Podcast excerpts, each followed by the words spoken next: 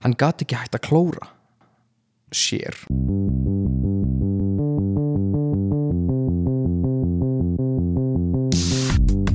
Halló er eitthvað að frétta? Já það er ekkert að frétta. Já það er ekkert að frétta Ekkert að frétta.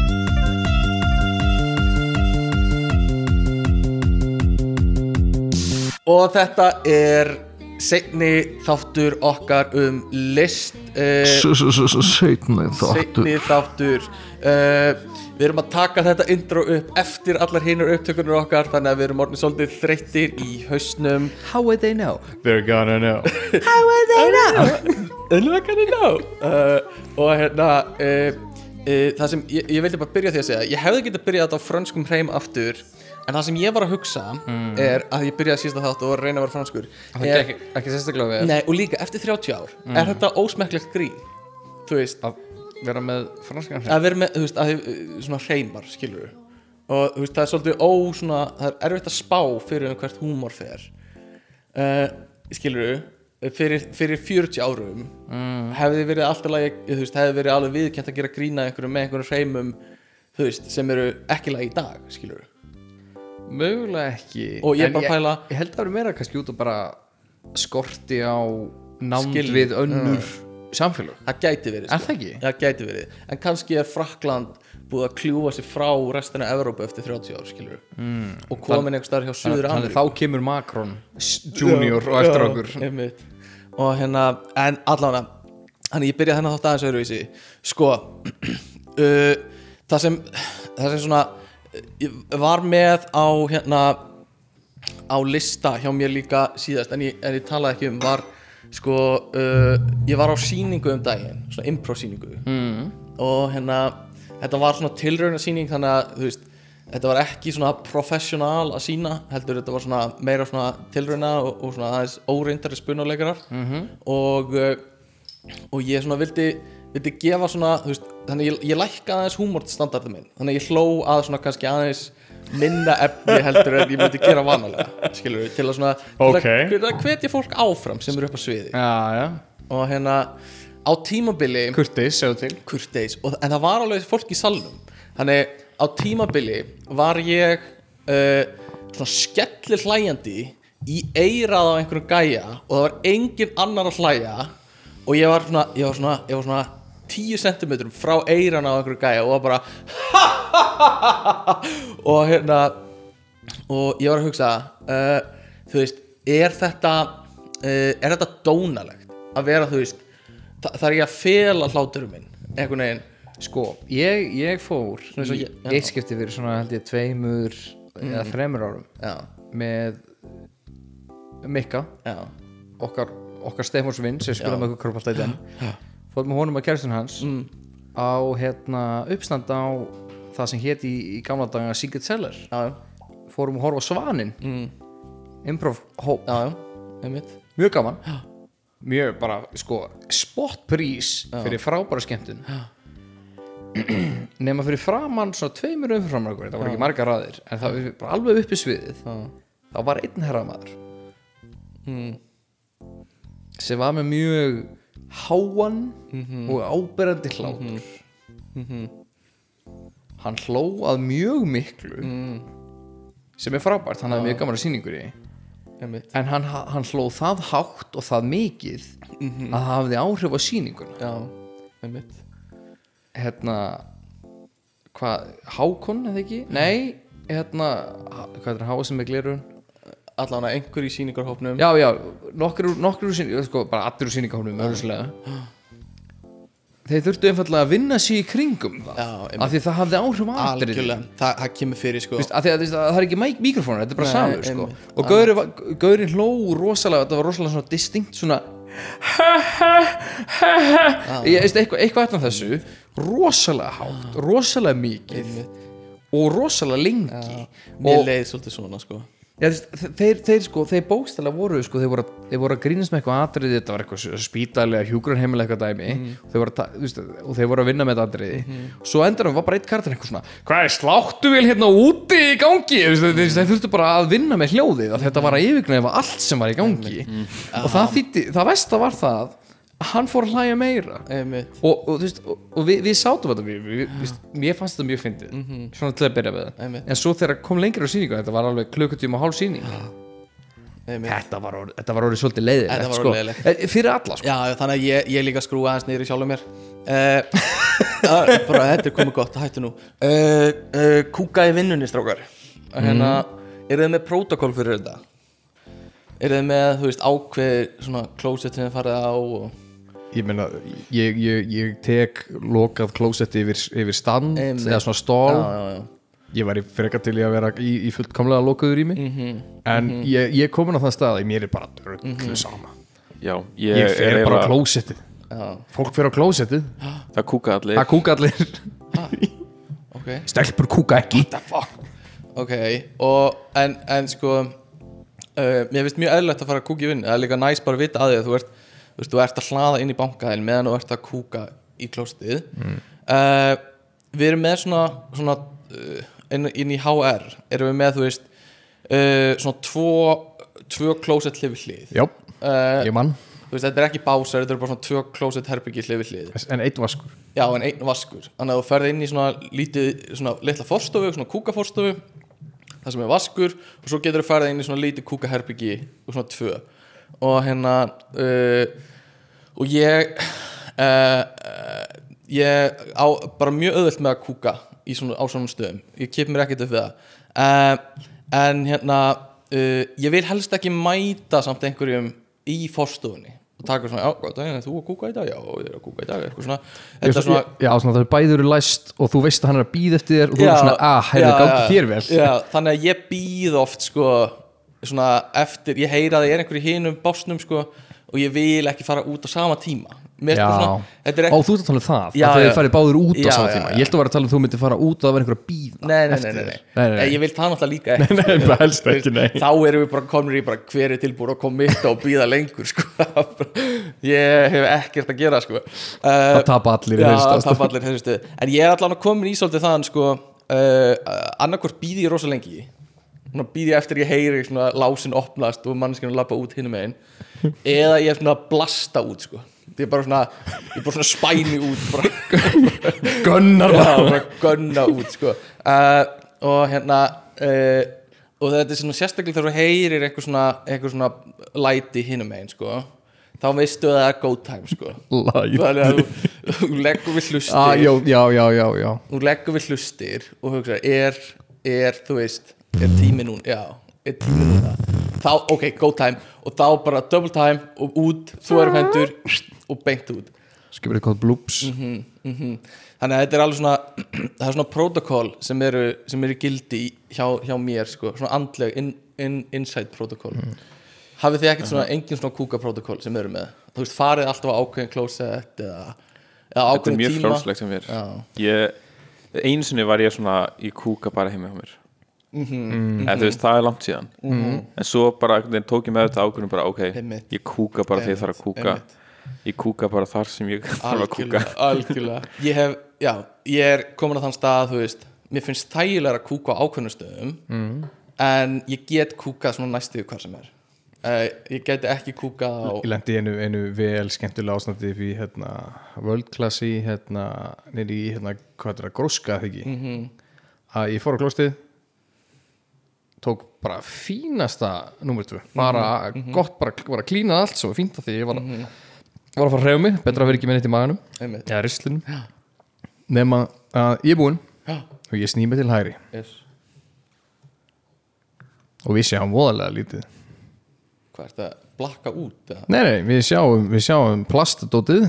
Já, og við sjáum brúna pappan sem er undir klósupappi já, rúlunni ég ég og við, við, við, við hugsaum ok við erum, við erum einu, einu handtæki frá því að vera í mjög vondur stöðu Mm. þannig ég rétti höndin upp og, og rey, leita eftir annari rúlu í þessu ofta svona tveggja rúlu systemi sem er. Já, já, hún var ekki. Ok það er akút ástand. Það er ekkert frábært ástand. Og ég eitthvað svona lítið kringum mér eitthvað tiss, er svona, er svona hérna, handtissjúgaur það er, það var, nei, nei, það var frá blásari. Ok, ég hugsa, ég hugsa, ég hugsa mm, nú vandast málin. Og, og hérna ég ég er mjög, mjög confidently bara girti upp um mig nærbuksur og ég fór út. Smyrja ég smá svona, það er svona Nutella feelingur. Fór út, á stóð maður svona, mm. svona skápar sem eru hérna svona stæður. Þú ferð út svona sér það okkur inn í eina þeirra. Það stóð ungu maður og leita á mig og ég leita á hann, ég snýr mig til hliðar og ég fór beintin á næsta klósi og settist ég þar og kláraði málin. Nice. svo kom ég út og hann var lukkulega farin ég hef veit ekki með að mæta þessu manni aftur þannig standað og horfa hann bara svona akkur fór hann aftur hann hitt? Já, uh, já Ég hef já. alveg gert það bara ekki skeina mér. Það er hægt að gósta sko, það er hægt að gera þetta clean en ég, ég fann alveg að þetta var ekki þannig Nei, sko. nei, nei, nei, nei, nei, nei, veist, ég hef alveg, þú veist, verið á klósetti þar sem er bara engin pappír. Og þú veist, þú hefur ekkert val nefnum bara ekki skeina þér. Ótrúlega, ég hef aldrei gert þetta. Mér finnst það magna og er ekkert svona hvernig er tilfinningin, hvað er ég að byrja? Ok, Ok, það fer hvernig ólstu upp? það fær væntalega eftir bara hvað fættist Ertu ættað frá Vík? uh, Nei, en hérna, ok, allavega uh, hvað, segðu mér alla söguna. Mér finnst það bara mér finnst þetta ekki merkilega. Nei, ok, ok En þú veist, hvað átt að gera? Og ég meina, ok, þó þú sért einhverja klukkutíma mm -hmm. ósengindur Það fyrir satt svo algjörlega eftir aðstöðunni sko. Það fyrir algjörlega eftir bara að Nei, raka þú vilt ekki vera nokkra klukkutíma Nei, nei, nei, augljóslega, veist það augljóslega ekki, ekki. en þú veist, stundum er það bara þannig Það er Veist, ég er ekki að segja ég ve- velji- like that. Ég er ekki að segja ég velji það Nei. en þú veist, mér finnst það ekki stórmál. Mér finnst það ótrúlegt. Þú veist, það fer væntalega eftir Mm. uh, formi hæðana Mhm. einhverju leiti Öllu, öllu liti eiginlega. Mhm. Það er svolítið, þessi ta- taktík svolítið stendur og fellur með því hvort þú setja næsta markmið þú kemur út er að finna næstan klósett til þess að redda málunum. Hvað er það aftur kallað þegar þú skýlur eftir kúkiklóstinu og sturtar ekki niður? Það heitir eitthvað. Já, flót er það ekki? Já, getur verið. Það flýtur svona, er styrstast ekki niður? Já. Ég hef allavega, ég held að þessi tvísvar komið í heimsótti Bjögga og Bjöggi hefur skilið eftir flótir handa sjálfum sér í klóstinu Viljandi? Ég veit það ekki. Klósetti hér reyndar styrtar ógeðslega illa. Ok, Það er úrslega leiðilegt þegar það er svoleiðis dæmir í gangi. Að það bara er, þú veist það vantar allavega kraft í klósið það, er er eina sem þú átt að gera er að koma þessu dóti út. Og það er bara svona það, það, er, það er enda líka ok, það styrtar ógeðslega illa þannig að þú veist, þó maður haldi takanum með njósla lengi, þá er það bara svo eitthvað engin kraftur í því, Nei. þannig að það fer ekkert allt niður, maður kannski fattar ekki maður lokar fyrst og styrtar svo. Eða þá að maður styrtar alveg og það fer allt út en ekki alveg og kemur svo kemur tilbaka. eitthvað tilbaka. Remember me? Já, ummitt, Did you think I would forget? Ummitt Revenge of the shit. Uh, Sko, framhald af þessu uh, Þú veist, ok, önnur pæling Þetta er já og nei spurning, basically. Við höldum áfram í, svona, í, í svipuðum dúr. Uh, þú, Þið vitið þegar maður er ekki búin að fara í sturtu í svona viku uh, Þið vitið hvernig þetta er og, hérna, og maður kannski uh, Í vik? og maður maður er hérna að þvó sér í, og fer lóksins í störtu og hérna og þú notar sápu og alla líkamann og svo ferðu inn í rass og sápar það allt svona. Ok, þegar þú ert búin að sápa allt inn í rassi eftir það um, þarftu að þvó þér um hendunar ef þú varst að hreinsa rassi með sápu. Eftir. Hmm.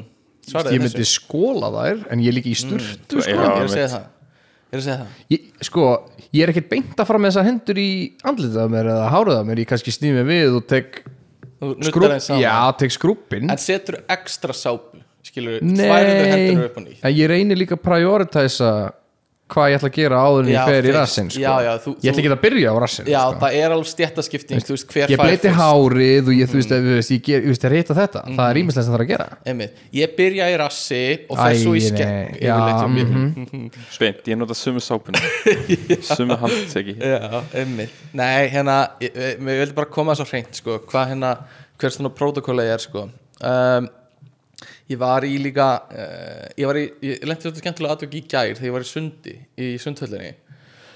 Uh, og ég með hérna uh, svona svolítið mikið skegg og það er alveg svona síkar um svona 30% í söndi að því þá svona 30% já, því bara þá- með skegnir á Já, með maga? án jokes. Það, svona, það dregst nefnilega svolítið niður sko, að því vanlega er svona loft í því. Allavega og ég er í pottinum svona á leiðinu upp úr næstu því og það er ungur maður sem segir við mig hérna já ég má bara til með að segja það er flott skegg. Og uh, og uh, ég hef aldrei lent í þess aður og ég segi já ég er nú já ég ætti að vera einhver búin að raka mig sko ég hérna bara nenni því ekki. Og hann er já ekki gera það ekki gera það. Hérna, hérna, nei, nei, alls ekki sko ég, hérna, þú sér hvernig ég er ég vildi óska að ég væri með svona mikið skegg. Og Var þessi maður 60? nei, Akkur talaði svona? hann hann var bara 17 ára sko.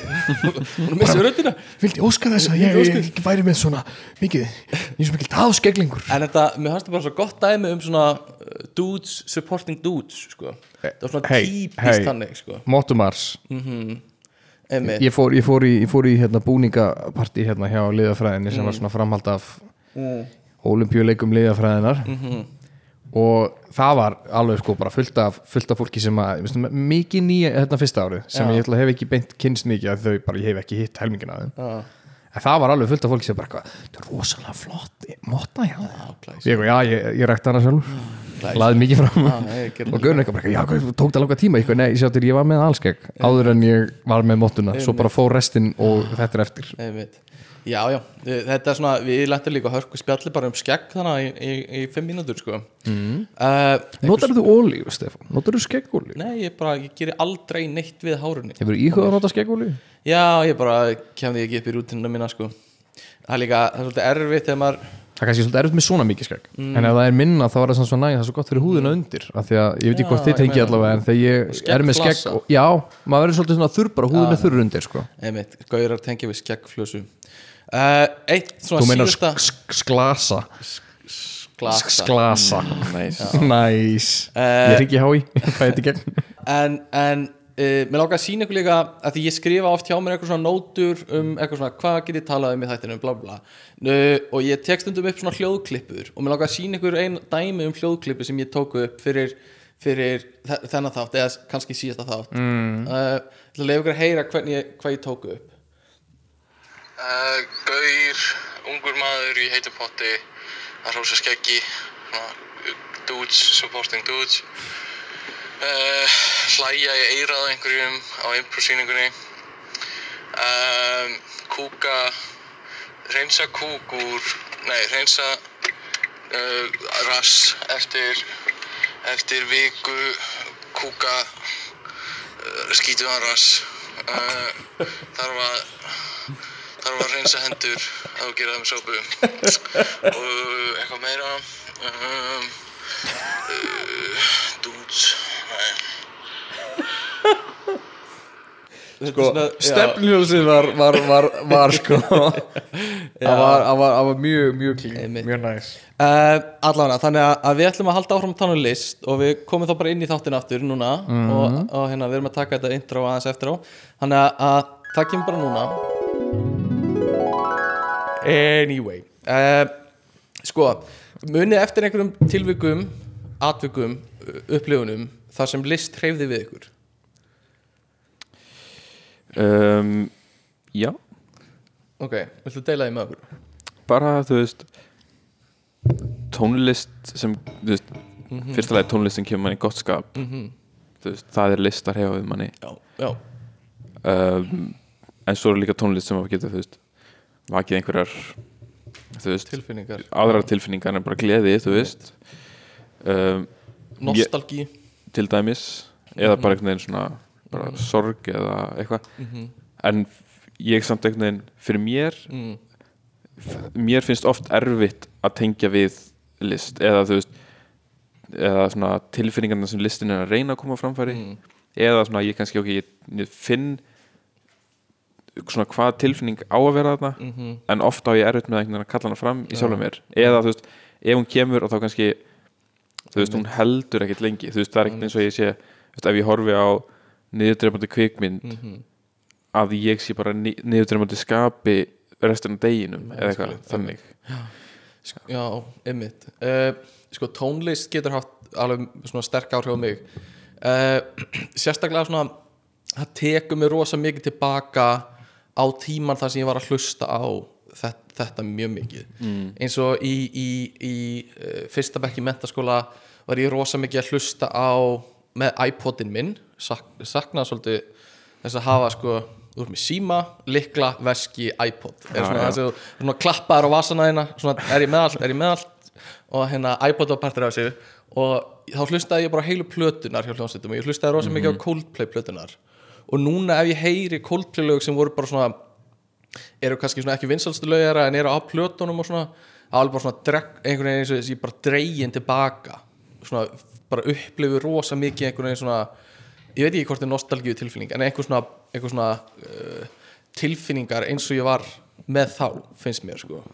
Og hérna uh, og líka já og hérna þannig að svona einhvern veginn hefur mikið valdi til þess að draga mann eitthvað annað. Og þú veist og líka ég man eftir ég, ég farið í gegnum ein erfið sambandslita á æfinni og hérna uh, svona ég var með svona lag sambandslitana svona, Ok. og hérna uh, og ég man rosa vel ég veit ekki hvort þetta er tengist nákvæmlega því sem við erum að tala um en, en svona lag sambandslitana sem ég hlustaði svolítið á og ég fór einhvern sem út í bíl. Þetta er ógeðslega asnalegt. Þú veist ég hef verið, hvað hef ég verið gammalt 17, 18 ára, 17 ára sennilega. Og hérna ég hugsaði ég var svona bílnum og ég hugsaði e ef að lag, lagi kemur í gang í útdarpinu þá er ennþá sjans fyrir sambandið. Og, hérna, og, eh, og ég kveikti bílnum og lagið var í gangi. Bara ótrúlega tilviljun sem ég hef lent í sko. Og hérna og það var náttúrulega sambandið áttingar sér en þú veist en það var eitthvað við það að hérna, að hérna uh, svona, ég var bara, ég var amazed bara með þetta ótrúlegt. Bara eitthvað svona, ef að það er sæn frá heiminum þá er það þetta, skilur við og þetta var ekki lag sem var eitthvað nýtt eða vinsælt í spilun eða eitthvað svona, þetta var bara eitthvað svona klassíst ástarlag einhvern veginn. Uh, og hérna, já með þetta, ég var smá orðlaus eitthvað svona "What? er heimurinn að segja mér eitthvað? Uh, sem hann var ekki sko. Pæl, Pældi samt í því ef að, ok, þannig er þú svona semi að gefa örlögunum sjans eða þú veist, þú ert að gefa því sjans að sé einhver svona æðri máttur sem einhvern veginn getur stjórnað þessu. Já, Pældi samt í því ef að sá máttur er raunverulega til að hann var bara að fokka illa í því verið sko. Ég látum hann halda látum já, fokkum að þessi Stefán. Eða ég hafi bara ekki verið sko, hérna, uh, verið of svona, uh, ekki nógu romantískur og of einhvern veginn svona raufvísenda gýraður sko, það sem ég hefði kannski átt að gera var, þú veist, bara grípa næsta útvarp hjá mér, fara fyrir utan gluggan hjá henni og bara ég veit þetta getur gengið, ég veit að þetta er ekki búið, eitthvað svona sko Aha. og tekið bara svona Hail Mary og kannski var ég bara ekki að hlusta á heiminn og mikið sko Aha. og búast við þetta myndi fara upp í hendina á mér en ég er bara mjög fein að, að það hafi ekki gengið sko. og hérna uh, og það hafi farið eins og það fór og hérna, en mér fannst það bara að það var eitthvað við þetta moment, bara eitthvað svona wow, ég var að vera upp ég var að upplifa eitthvað, ég var að vera Sko. vitna einhverju En hvaða lag er þetta? uh, þetta er Holding Out for a Hero með Bonnie Tyler. Uh, þetta er Passenger lag. Uh, let, let, let, let, let her go. Nei, allir þetta hafi ekki verið ég, uh, jú, þetta var Let Her Go. Já, You only see the light when it's turning low. já, já, já. þetta var það nei, Það gæti mögulega hafa verið mesta sæni eða þau bara hugsa um hvað lagið hét. Þá var lagið bara Bruh, it's, it, it, you're good man, it's ég ruggla fine. reyndar alltaf saman Passenger, Let It Go, Let Her Go og hérna Death Cab for Cutie uh, hérna Follow Into the Dark I'll Follow You Into the Dark. En þetta var Passenger sko. Uh, þetta, þessi töfli En þú veist, þegar þú heyrir þetta núna þú veist, er, þú veist, flytur að þau tilbaka á þennan stað. nei. Það er, ég er Ég- ekki ég með með- svona sterkar tilfinningar þannig tengt þessu sko, meira bara svona já, nei, en, en, en finnst þér, þú veist þetta er komið í allt annað búning fyrir mig núna sko. já, já. en þú veist, hefur eða tón, þú veist,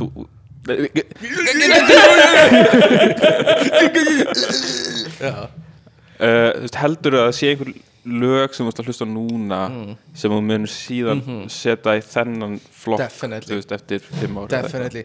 Og ég veit ekki hvort ég hef sagt nei, í, í hlaðarpinu en uh, Spotify rývændi mitt sko, ég held alltaf að verði eitthvað svona hip-hop senan og, og hérna eitthvað rock og eitthvað svona nett. Og svo opnaði ég alltaf og það er bara eitthvað svona Adele.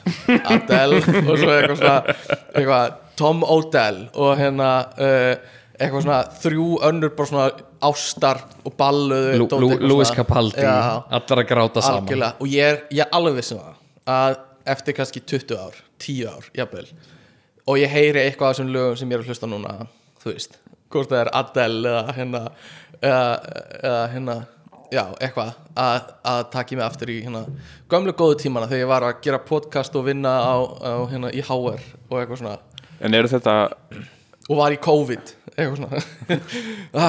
COVID-lagið, Adele-lagið einmitt.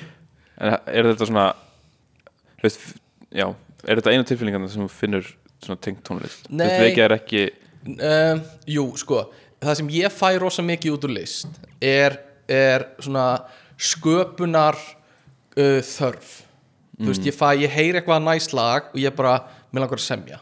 Eða þú veist, og ég er ekki góður að semja tónlist, tónlistamæður en þú veist, ég fæ bara svona, ég þarf að, ég þarf eitthvað outlet, ég, þarf, ég fæ bara svona innblástur. Og það er sama með kvikmyndir. Uh, að ég sé einhverja góða mynd og ég bara uh, ég þarf að skrifa eitthvað neður svona, þetta vekur hjá mig bara eitthvað svona eld til að fara að vinna og eitthvað svona. Eldmóð. En, en, en gallin er að þetta líður oft hjá á, á þú veist allt á stundum tíma. allt á stuttum tíma. Þá bara Ef maður spilar gæti við bara- lagið aftur Stefan Já, en Og þetta er- aftur og aftur. Þetta eru kvikmyndir yfirleitt sem kvekja þú veist, mest í mér. Mm -hmm. Þetta lög gera en á annan hátt. En kvikmyndir er svona það sterkast tilfinningin sko. Þá er ég bara, ég þarf að fara að skrifa Ég er með, ég með brjálaslega góða hugmynd. Uh, Þetta var að, að eitthvað svona Ég, ég, ég, ég verð að skrifa eitthvað svona. Og svo svona uh, bara því ég er búin að keira heim úr bíónu Þá er ég eitthvað svona mm, skrifa eða horfa á þetta YouTube myndband um, uh, hérna, um mís í, í Pólandi og eitthvað svona mís í Pólandi takk. Og endaði að horfa það. Þannig að það er svona uh, ef ég gæti einhvern veginn svona haldið inn í tilfinningunni og svona bombaði inn í tölvuna þegar ég kem heim já, en það, það er svona það er svona sannlega sterkustu viðbröðin sem ég fæ er innblástur sko og þörf til að búa eitthvað til. Mín, mín eru sko bara eins mismöndi og þau gera sko. Mm. Vist, ég allavega svona nýlega manni eftir hérna, ég og, og, og Númi. Mm. einn af mínu bestustu. Fórum í Bíó og Dún. Já, sem var mjög gaman, skemmt okkur mjög vel. En það var eitt andriði þegar að hérna uh, þessar svo kalluðu þopters þessar þyrlur sem þau voru að vinna með. Já, með svona vangi Já. ógislega ópraktískar og ógeðslega ópraktískar en þetta er svona drega flugvængir sem svona þyrluðu saman og við sátum á þetta báður, við litum báður litum báður að hverjum öðrum á sama tíma og voru bara að því við vorum bara, þetta er sci-fi. Við vorum bara svona bara, þú veist, CGI-ið hugmyndafræðin og allt það dæmi. Ég, við vorum báður bara svona við erum í bíó, Einmitt. þetta var atriði. Þetta, þetta, þetta, skiptir engu máli fyrir myndina, en við vorum báður bara svo sjúklega impressed hvað það var cool. Og við sátum bara og þú veist, hitt á þetta svo að tala með lög, sko, þú veist í hvert einað skipti sem ég heyri Drunken Love með Beyoncé því kannski munið eftir laginu, kannski ekki nákvæmlega, þetta er lagið. Þetta er lagið, Ég- love Lappa það frá þér Og tíu skref. Vissi ekki að Beyoncé væri í, í stúdíónu hjá okkur en eh, hérna, veist, Var ekki hún sem tók þátt fyrir hana hönd Ísland jú, jú, Með tíu skref? Drunken love. Já, já. Það hérna það tekum alltaf tilbaka á eitt bjórkvöld á MR Mm. það sem ég fór í eitt, eitt, eitt svo kallan bjórkvöldsleik Ég er nokkuð við sem ég eina við stökku hvern þú fórst sleik. Ég, ég, Örugglega. ég held ég viti en það bara í hvers er. einu skipti af því þú veist þetta lag var í gangi. Mhm. Var þetta ekki góðu sleikur? þetta var mjög fínt. Varstu drunk in love? Ég var drunk, ég myndi ekki segja að ég var in love. Drunk ég, ég in sleik þekkti ekki manneskjuna mjög vel. Ok, en þetta var bara svona eitthvað moment og ég bara þetta lag var svo rosalega vinsalt og í gangi Mm. og þetta var í gangi akkurat þá. Mm. -hmm. en hvert einn skipst að poppinu og bara svona, að já. Já, um, annað sko hérna uh, You Make My Dreams. In a Swear Come True með Daryl and Hall þetta, hérna, uh, jú Hvernig Hall Notes fyrir ekki hvernig hljómar það? er hljómar það? Já. What I want you got that might be hard to handle. Þú veist, já, já, það, eh, alltaf þetta kemur á þetta er, á- þetta er á nokkru playlistu hjá mér þegar þetta kemur á þá kemur alltaf bara svona kemur smá gýr það er alltaf, það alltaf smá svo hrista það er alltaf smá gaman sko, það skiptir yngum alveg hvað er að gera. Þetta er, þú veistu, hvað sé, keira hvað er gangi. Það kemur alltaf smá, bara smá svo gleði. Alltaf smá svo gaman, ég veit ekki hvað það er. Þú veist, mér getur liðið mjög lélega og ég er alltaf bara svona já, það er bangar þú veist, þannig að þú veist, þetta þú veist, en hérna, svo líka hérna, ég ætla að koma inn á það með hérna, þessa obscure list en ég man einstaklega vel eftir því þegar var einhver, ma- einhver herramaður sem að byrti inn á henni viðfrægu netsíðu 9gag í den. Klassíst þá kom Ekki hérna ábútt að túkak En nei, samt gott. En þá kom hérna að kom upp hérna svona samansapna af listaverkum eftir einn, einn listamann Já, sem er pólskur málari. Já, að nafninu Sitsislav Bekinski Beksinski já, og hann var það niður hérna, hann, hann, semst, hans listform er semst, dystopískur surrealismi já.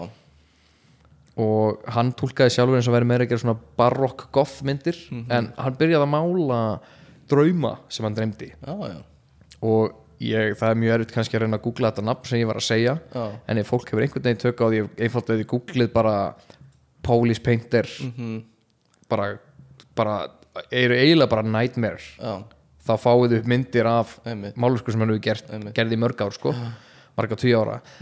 Þetta er hreitt já, það ég sá þetta og ég hugsaði bara þessu manni líður ekki vel. Eða fyrst bara svona, þetta, þetta er algjörlega þetta eru, þetta eru hryllilega myndir. Frábær, er frábær má- málari. Frábær málverk.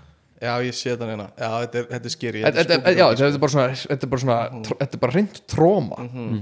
Og og svo hérna, hann lifði í sko, ég held að hann verið hvað, tæmlega 70, hérna, 70 áttræði þegar hann, þegar hann læti lífið sem kringu 2005 Já, að þá var hann myrtur af frænda sínum sem að var að byggja um peninga og hann neita að lána hann pening þannig að, að frændans, ungu frænda stakkandi döða mm. þannig vil ég fara líka Þetta er akkurat þannig sem ég vil fara. Þú veist, ég bara manna þegar ég sé þetta og hvernig skilt sem ég sé eitthvað svona myndi ég, bara svona, ég veit alveg hvað, er, ég veit eitthvað hann heitir ég veit hvað myndir þetta eru, ég, ég, ég hef séð þetta sko. og það er bara, þú veist, kemur alltaf bara svo poppar upp sko. Einmitt.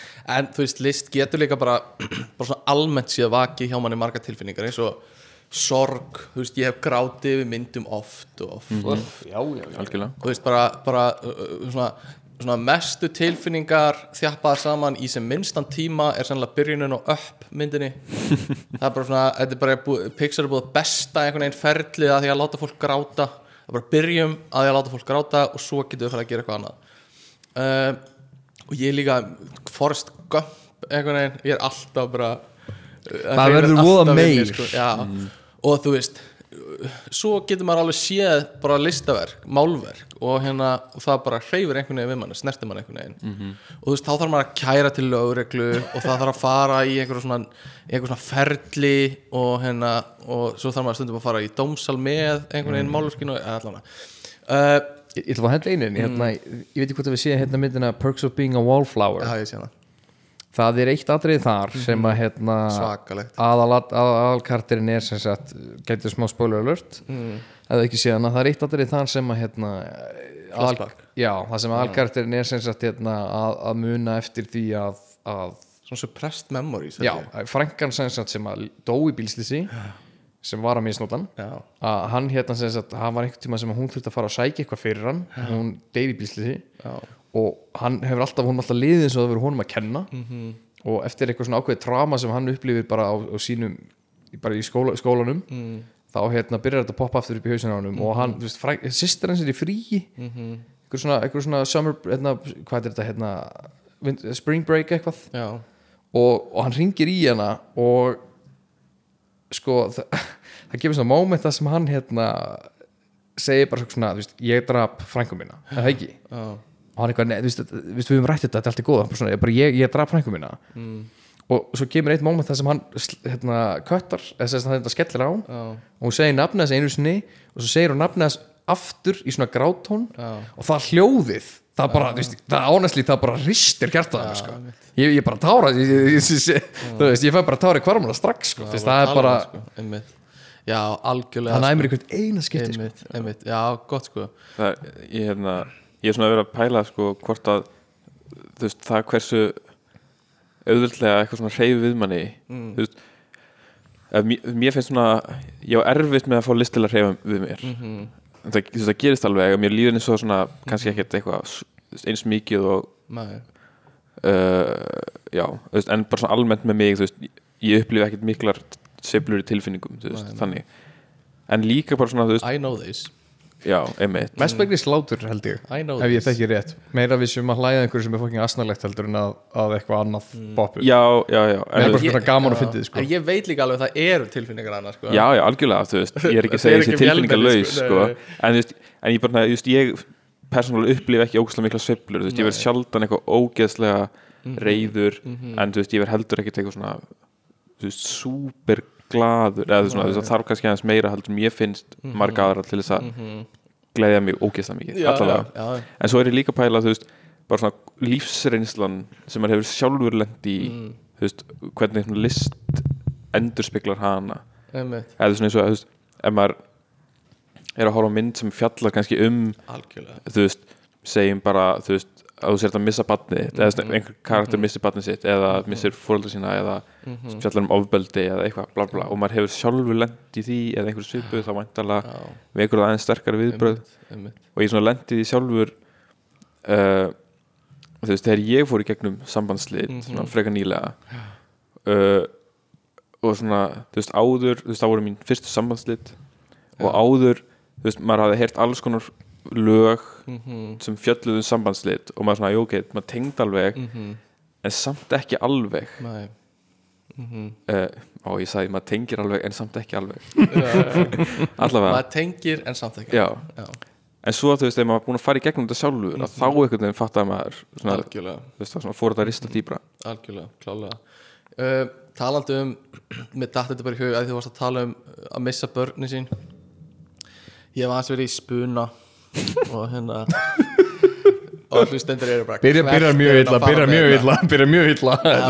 Ekkert sko. Og hérna ég var einu sinni að spinna og hérna ég var að, ég var að, að hérna spin, og það er ofta einhver svona horfa á mann og við erum tvö inn í senunni og senan byrjar á því að hérna að við erum allir komin áka að við erum að rífast eh, um sambandi okkar eftir að við mistum barnið okkar eitthvað svona og uh, svo mundi ég bara og ég, ég held að meðleikari minn hafa fattað á samtíma en það var manneski sitjandi í áhörfandasalum sem hafði nýlega mist barnið sitt sko.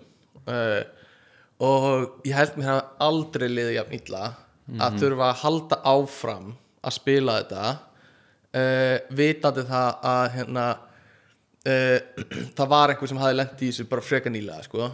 og, og ég bara ég fór, ég fór í algjört kerfi og ég bara fattaði þetta og ég vissi ekki hvernig maður átt að koma sér út úr þessu eða eitthvað svona. Þannig að maður þurfti einhvern veginn bara að klára senuna og svo bara restin af deginu var ég bara eðilaður sko.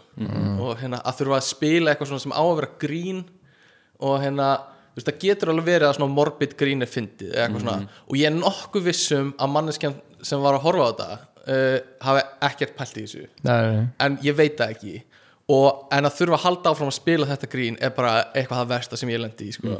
og ég var að, að leika með fólki sem, sem ég vildi koma vel eða þú veist, impressa skilur það er svona og það var bara alveg skelfilegt sko. uh, ég trúi því vel hann er að, að hérna allavega, uh, mér datt þetta bara í hug og alveg bara ótrúlega leiðilegt mér leiði svo illa sko. ég líka skjótaði mig, minni mig á hérna, var ein, ein ein stelpa sem er mér í bekk í grunnskóla og hérna það var alltaf samsöngur já, í okkar skóla. Gott, samsöngur og sal. Samsöngur og sal, allir hitta saman og syngja lög. Akkur er hérna ekki bara salsöngur? Ah, því við vorum saman við gáttum verið saman í steganum stundum við vorum ekki alltaf á sal.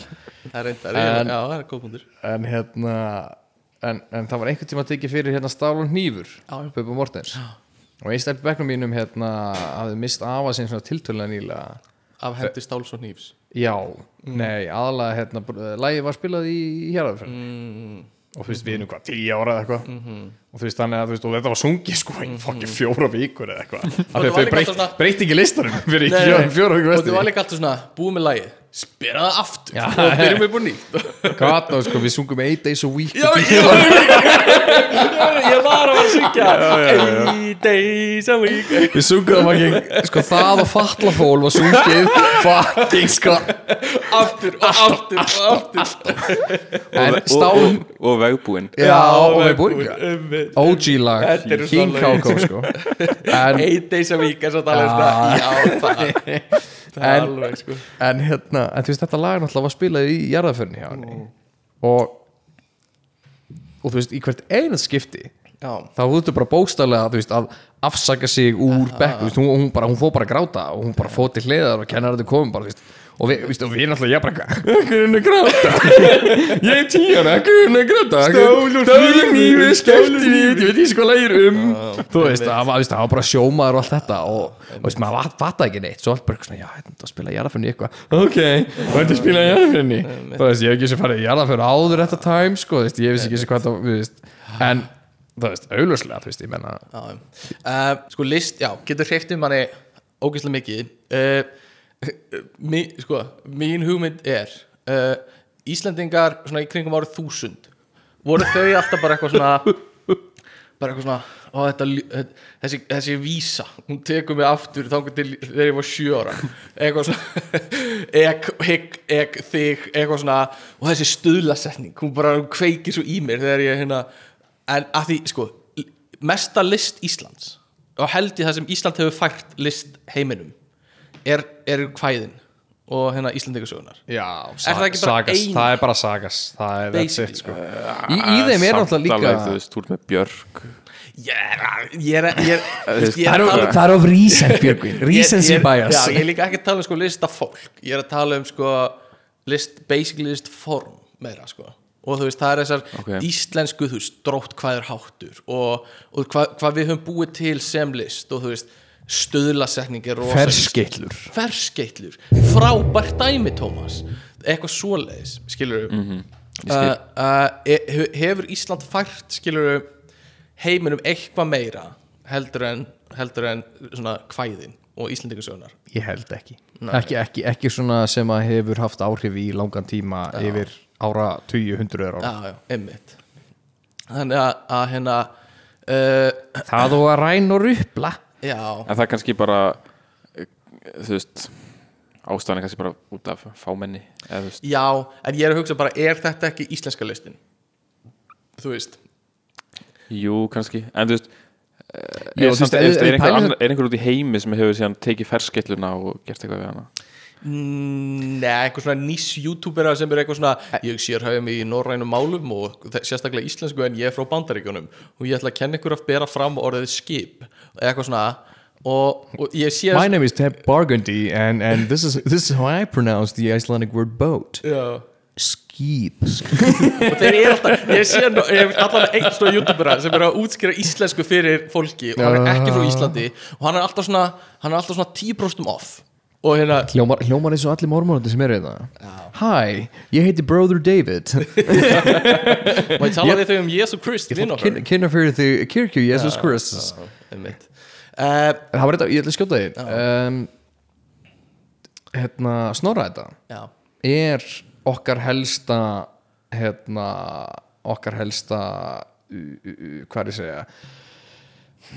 Jam. Nei, resource research Resource, Já. resource source, fyrirgefðu, source, Já, helsta uppspretta og upplýsingasafn Af norrætni góðafræð já, já, já. og það held ég að skipti það það eru eitthvað já. það sem við höfum að, að því sko, þú veist, jú, jú, það, var- Noregur og Danmörk og allt þetta, þau voru með í þessu en þetta, veist, það er engin kvæði eða upplýsingar þar, það er Einmitt. það er er- sem skrifar þetta Já. hann skáldar þetta líka og allt það það er það talað hefur áhrif á, Ísl, á heiminn sko. að Snorri Sturluson, vinnur okkar, kær Mhm. sem átti konuna Eddu uh, hann, að hann hafi mögulega sami líka eigilsögu sko, og eitthvað svona.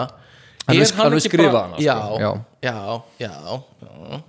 Er hann ekki bara þú veist uh, mest í íslenski listamæri þá mikilvægasti, þá getur þú komið með Björk. Kottum með Björk. uh, Björk, Björk. Björk. Út í skóginum með ormana og lifur. Bangsarnir og... Já uh, En þú veist, já, ég er að hugsa Er þú veist er hann ekki þá svona okkar, okkar helsti og sem hefur skapað hann er náttúrulega búin að lifa svolítið eða vera svolítið, hann er gamall er það sem ég ætla að segja. Snorri, já, já, hann fættist hvað, 1189 ef þú veist það nákvæmlega þá ertu nörd. ég ætla að og googla ég að bróka. Ég að að ég myndi bara vona að þetta sé ekki rétt allir googlum þetta. Og að ég þarf að bróka þig. Já, það verður bara það að er hafa það. í hérna- teginlega brúkum hvað sagði hann? 1189 ef það er rétt hjá þér ég, ándís, ég tek 79 Vá, hvað þú ert fegin. Okkur heppin Sko, ég var fegin Samt vel og gert. samt sár á sama tíma. Ég hefði þurft að bróka þig sko. Það er ekki floknara uh, Allavega, hérna uh, List sem gengur of langt Og hætt, þú veist. Má, má ég skjótin að því hún að tala um þetta mm. íslenska dæmi ég, ég var nú daginn á YouTube og það kom suggested myndband af engum skiljanum ástæðum fyrir mér. Mm. þar sem að er einhver, einhver breti sem að var að syngja íslensk íslensk uh, dróttkvæði mm. sem bara tónlist með bara einhver myndböndum og að, for, bara sko, já, hann var að syngja höfuðlust mm. ég er eitthvað svona þetta er fyrir mér kunnulegur texti þó að sé algjörlega botst. Já, ég eitthvað svona ég held fyrst að það var eitthvað svona keltik dæmi einhver keltik texti. svo var ég að skoða bara texta sem var settur í hérna linkin já. Og þetta var bókstæðlega bara höfuleust og ég eitthvað svona hann er að fokka þessu upp alveg sko royally sko það, víst, bara hrinnjandinn og allt ég eitthvað svona fólk var bara eitthvað I love like North Icelandic Viking, like Viking rock. og ég var bara eitthvað hvað er?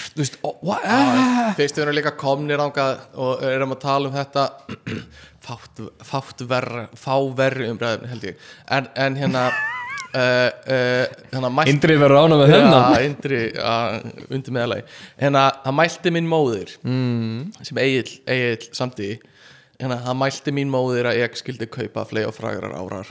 Eitthvað, fara á brott með vikingum standa upp í stafni, stýra dýnur knerri halda svo til hafnar, högum hann á annan. Er búið að þýða þetta yfir á ennsku fyrirgjöðu hann var að syngja það ekki höfuleust bókstaflega það. Ok, hann var að syngja það, Það. og búin að þýð ok, nei, nei, hann, nei, nei, hann var að reyna að syngja þetta á Ah, Old Norse. ok. Nei, þetta var bara einhver gaur frá Írlandi eða af eitthvað. því ég, hef, ég er búin að sjá það sem er búið svona þungarokk pop útsetja þetta með þýttum texta sem er eitthvað svona My mother told me. Já, ég vil líka, já, ég vil líka sé það. svona. Já, ég sé og það. hérna, mér finnst það bara algjör afbökun á íslensku hérna, góðu íslensku poppi frá árinu þúsund það sem, það, sem, það sem allir voru að syngja þetta og hérna, þetta voru á öllum böllunum. Hérna, hérna, það mælti mín móðir eitthvað svona og það er búið að setja þetta á YouTube undir einhverjum svona formerki með einhver svona einhver poplags uh, allavega, uh, þetta er bara En, pælið samt líkið, heyrimna smiðið sem eitthvað, víst, 1400 og eitthvað 1420 eitthvað. Aftur, Tómas, þú þarft að hætta með Heyrimna þessu átök smiðið, prófum þetta. Ég þarf að bróka þig ef þú, ef þú hættir ekki með þetta. En, en þú veist, pælið í rugglinu að þetta sé þú veist, að það sé til laga yfir þetta að við séum með tónlistina. Já, já, Lægið er endar yngra já. Læ, já, ég meina, hann, hann, hann dó fyrir 1208 þannig að ég er, ég er að fokka vartölunum. En þú veist, en þetta væri eins og ef einhver myndi verið búin að taka það og setja í dubstep með ennskum texta. Bara eitthvað svona Hear me the smith of the heavens. Eitthvað svona Já, pælið samt í, þú veist, að- því sko flest versin, það er ekki lag yfir þetta. En við erum með lagið já, yfir heyrheimnasmið já, Hvað meinar við erum með veist, Sálmurinn sem er sungin já allavega eins og ég skil þetta er bara sá, þú veist, eins og þetta þú veist, þetta var samið að setna en, en samt bara í, þú veist, ég held að Sálmurinn sé ekki samin ekki nema nokkur hundur ára setna við þetta ljóð það er vegna þess að þetta er tengt kirkjunni Já, Nei, nei, nei, nei, nei. nú, Lægið uh, Sálmuns var samin Mattias Jókusson Eh, ekki segja það ekki Þorskett Sigurbjörnsson sem var þú veist, á, uppi á 20 öld sko. segja, Sættu hann lagið? Ok, sorry, þá er ég að fokka upp. ok, Þá dreig ég allt sem ég saði senstu þrjá mynda tilbaka gott, gott, gott, ég það, var ekki brókað Nei. þig en hérna uh, uh, en kirkjan hefur verið svolítið að eigna sér mikið af listum og listamönnum -hmm. og hérna þú veist, pælum bara í til að byrja með uh, öllum kristnu rockljómsveitunum sem gæti verið að standa sér við með geðveik lög eða myndi ekki halda sig við kristna stefn, kristnustefnina eitthvað svona we love Jesus dun-dun-dun, dun-dun. We love his message. Dun-dun-dun, dun-dun. eitthvað svona þannig.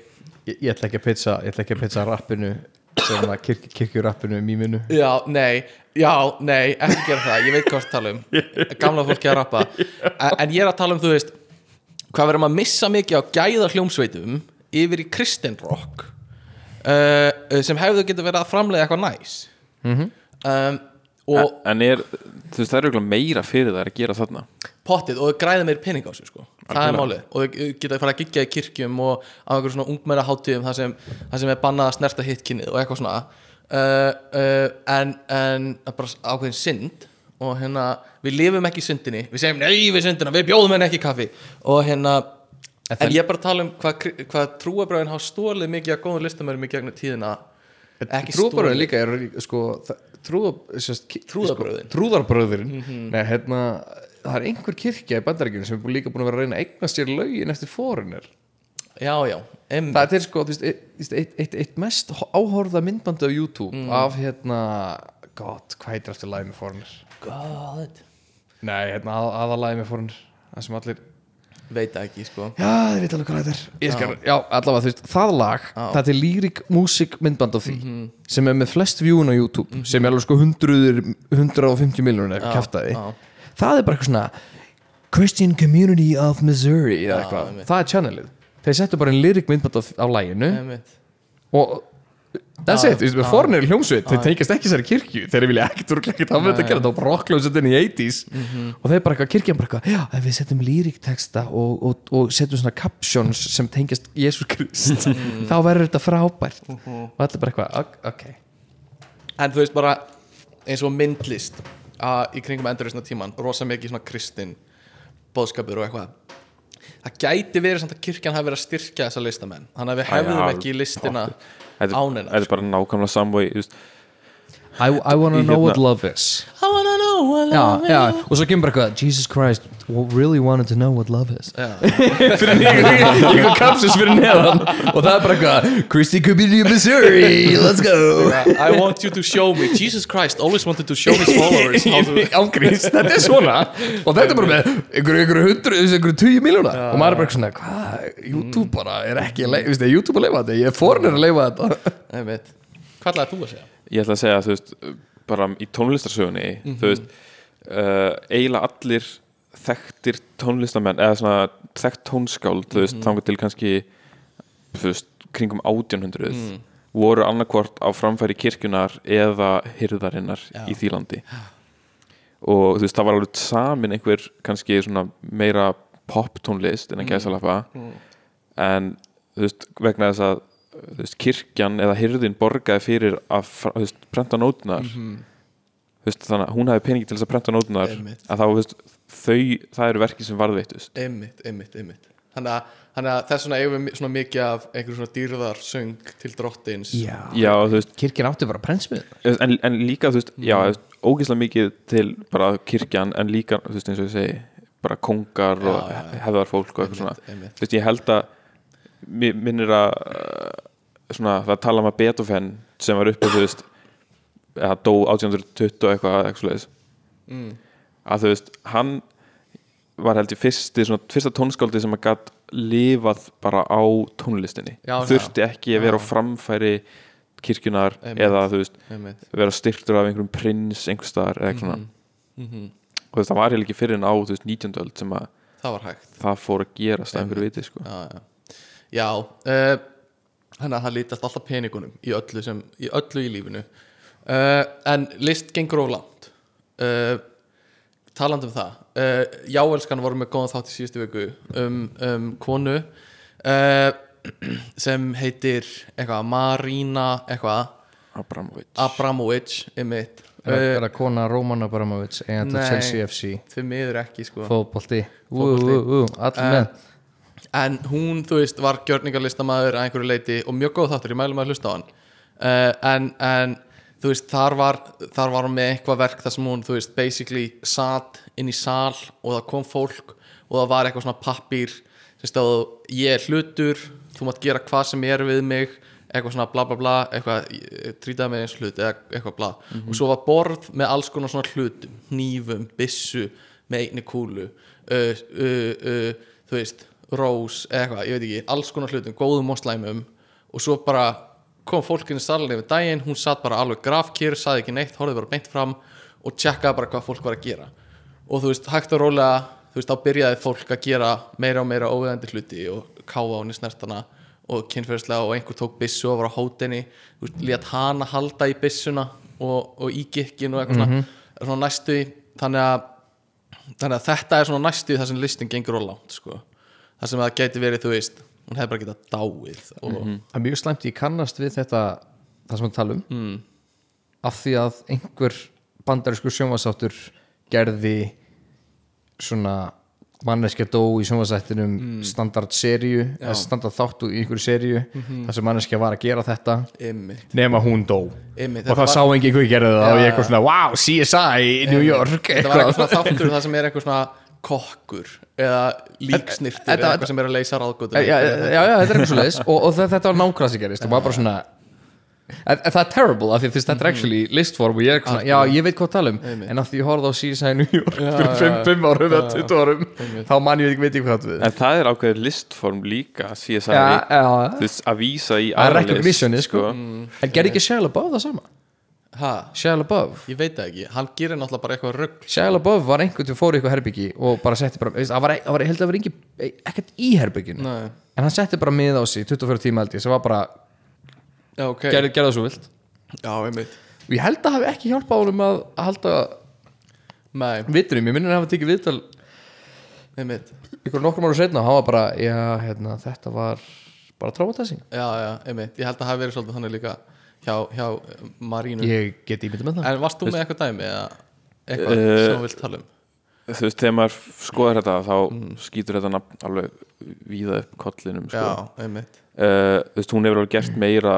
Þú veist, það er ekki, það er ekki þannig að allt sem hún gerir sé eitthvað grótesk Nei, nei, nei, og ógislegt og, en þú veist, hún er búin að veist, vera bara síðan 1970 með eitthvað svona gjörninga. Hvað er hún? Hún fættist 1970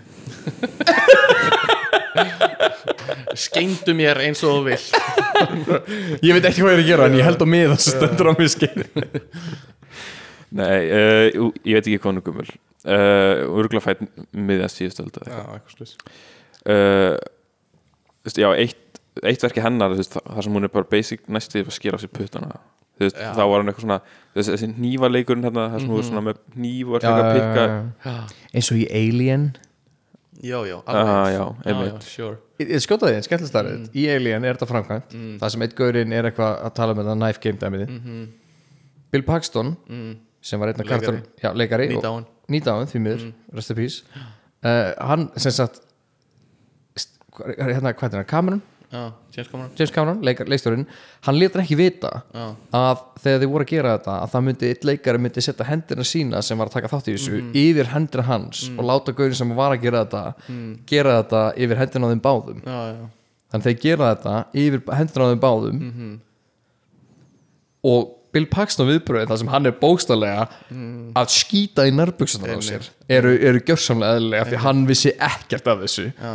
Þú veist að þið eru að gera þetta eitthvað dæmi svo er það bara, gerum þetta saman og Bill Paxton er bara nei, nei, nei, nei, í myndinni, það, eru fullkomlega eðlilega viðbröð hann er bara, hann er literally hrættur um að missa Líka í Lord of the Rings 2 Towers þá sparkar Aragorn einu sinni í hjálm og hann öskrar ógislega hátt og mikil tilfinning og hann brauti í alvörun á sér tána þegar hann gera það. Og svo er það Cross Prot missir þetta boltan í Thanos myndunum. Whoopsie Chris Pratt í Thanos myndunum. Þetta er bara besta lýsing sem ég hef heyrt sko. Allan höldum hættum að adressa, höldum áfram. Uh, Ok. Uh, já, ég, ég, ég var bara að tala um þetta hnífadæmi. Mm. uh, þar sem hún hérna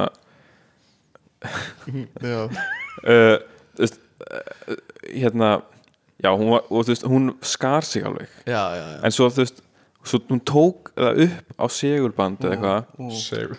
Segulband á segulband, þetta var 1970 Einmitt. og svo reyndi var hún þetta Betabax eða FFS eða? nei, bara svona kasseta sko. Já, já, Þú veist, Hljó, bara út og bara hljóð já, á segulband sko. Voða hasar. Aha. ah, meiti mig.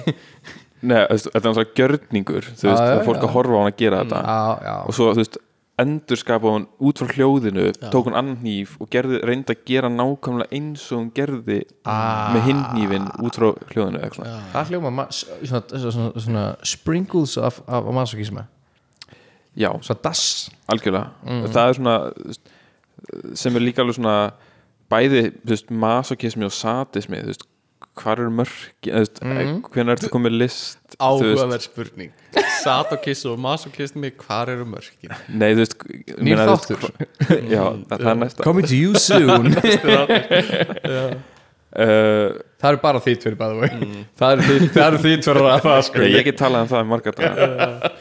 Uh, hérna já, ég meina þú veist þú veist, listamenn að skada sjálfa sig og skada aðra einmitt uh, þú veist hann svo þú veist, bara líka þú veist, kannski leikstjórar sem er að þú veist, eru með fólk að veist, leika fyrir sig og Já. eru að láta það gera bara einhverja Já, fáránlega hluti bara, þú veist, uh, Shining.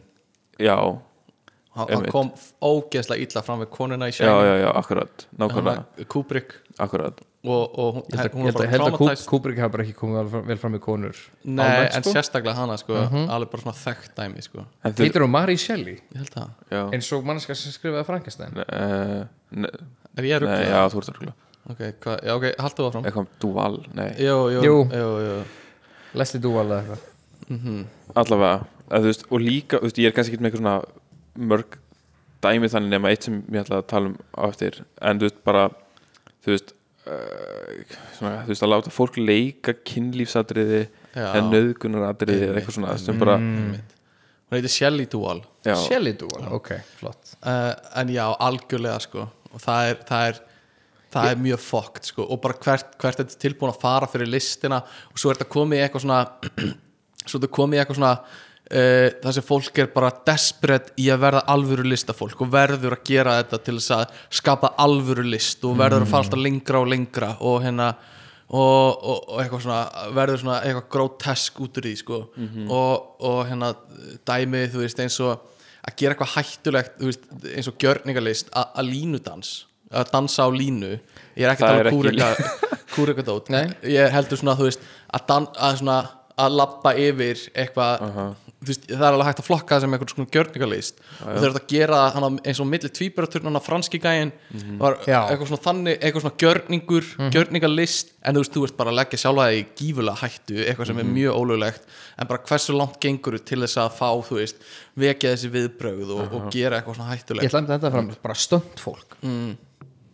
Er það list? Já, já, já, Er það ekki? Ég meina, Daredevil koncept Ég meina, er það er erfitt að flokka ekki sem bara þeir eru klálega performerar sko. Exhibitionismi. Já, já. Þetta er bara, þú veist, þau eru bara að gera eitthvað sem engin annar myndi þetta í hug þeir eru samt að reyna að fela sig á samtíma Að hvað leiti? eða þú veist, þeir eru að reyna þú veist, áhættu leikarin Mm. er að reyna að vera samt en þú ert líka að tala um þú veist, að hoppa yfir tíu bíla Já, Já, ég, þú ert að tala um ég, ok, ég, ég, ég ok, er ok. bara Daredevil. Já, Ég er bara að tala um bara, kosti, bara, ho, mm. bara, bara ho, veist, þessu, ég, veit ekki hvað svo oft ég poppaði upp á internetu þar sem að Gaurin tekur stærstu dífu, freedive það sem að hann bara, veist, þetta er bara einhver lengsti stíi sem þeim við séð. Og það er bara einhver laug sem er bara, þú veist, 5 sinnum 5 í, veist, bara einhver, einhver 5 sinnum hérna, 5 metrar í þvermál ringur laug. Og hann hoppa bara og þú veist, og það er bara fullt af fólki mætt og bara horfa bara og þú veist, veist, það er alveg örugglega 40% líkur, hann hitti bara ekki laugin já, já, og þá dettur það bara á malbygg og deyr. Já, já. Þetta, fólk, er, veist, þetta er klálega gjörningur og öruglega eitthvað overlapp við já, ég meina, við, við fórum í bíónum daginn. Fórum á Jackass, nýjustu myndina Jackass. Listamenn listafólk. Er, er, er, er, er þetta ekki gjörningum er, eitthvað, Jú. er, er hægt að taka eitthvað af Jú, því? en maður vill samt setja eitthvað spurningamerki við það að kúka upp í sig og eitthvað svona. Já, já, já, uh, en, en samt vekur það viðbrögð og það vekur upp eitthvað hjá manni sko, sem er alveg svona þetta var fín, þetta var fín mynd. Já, nefnilega sko.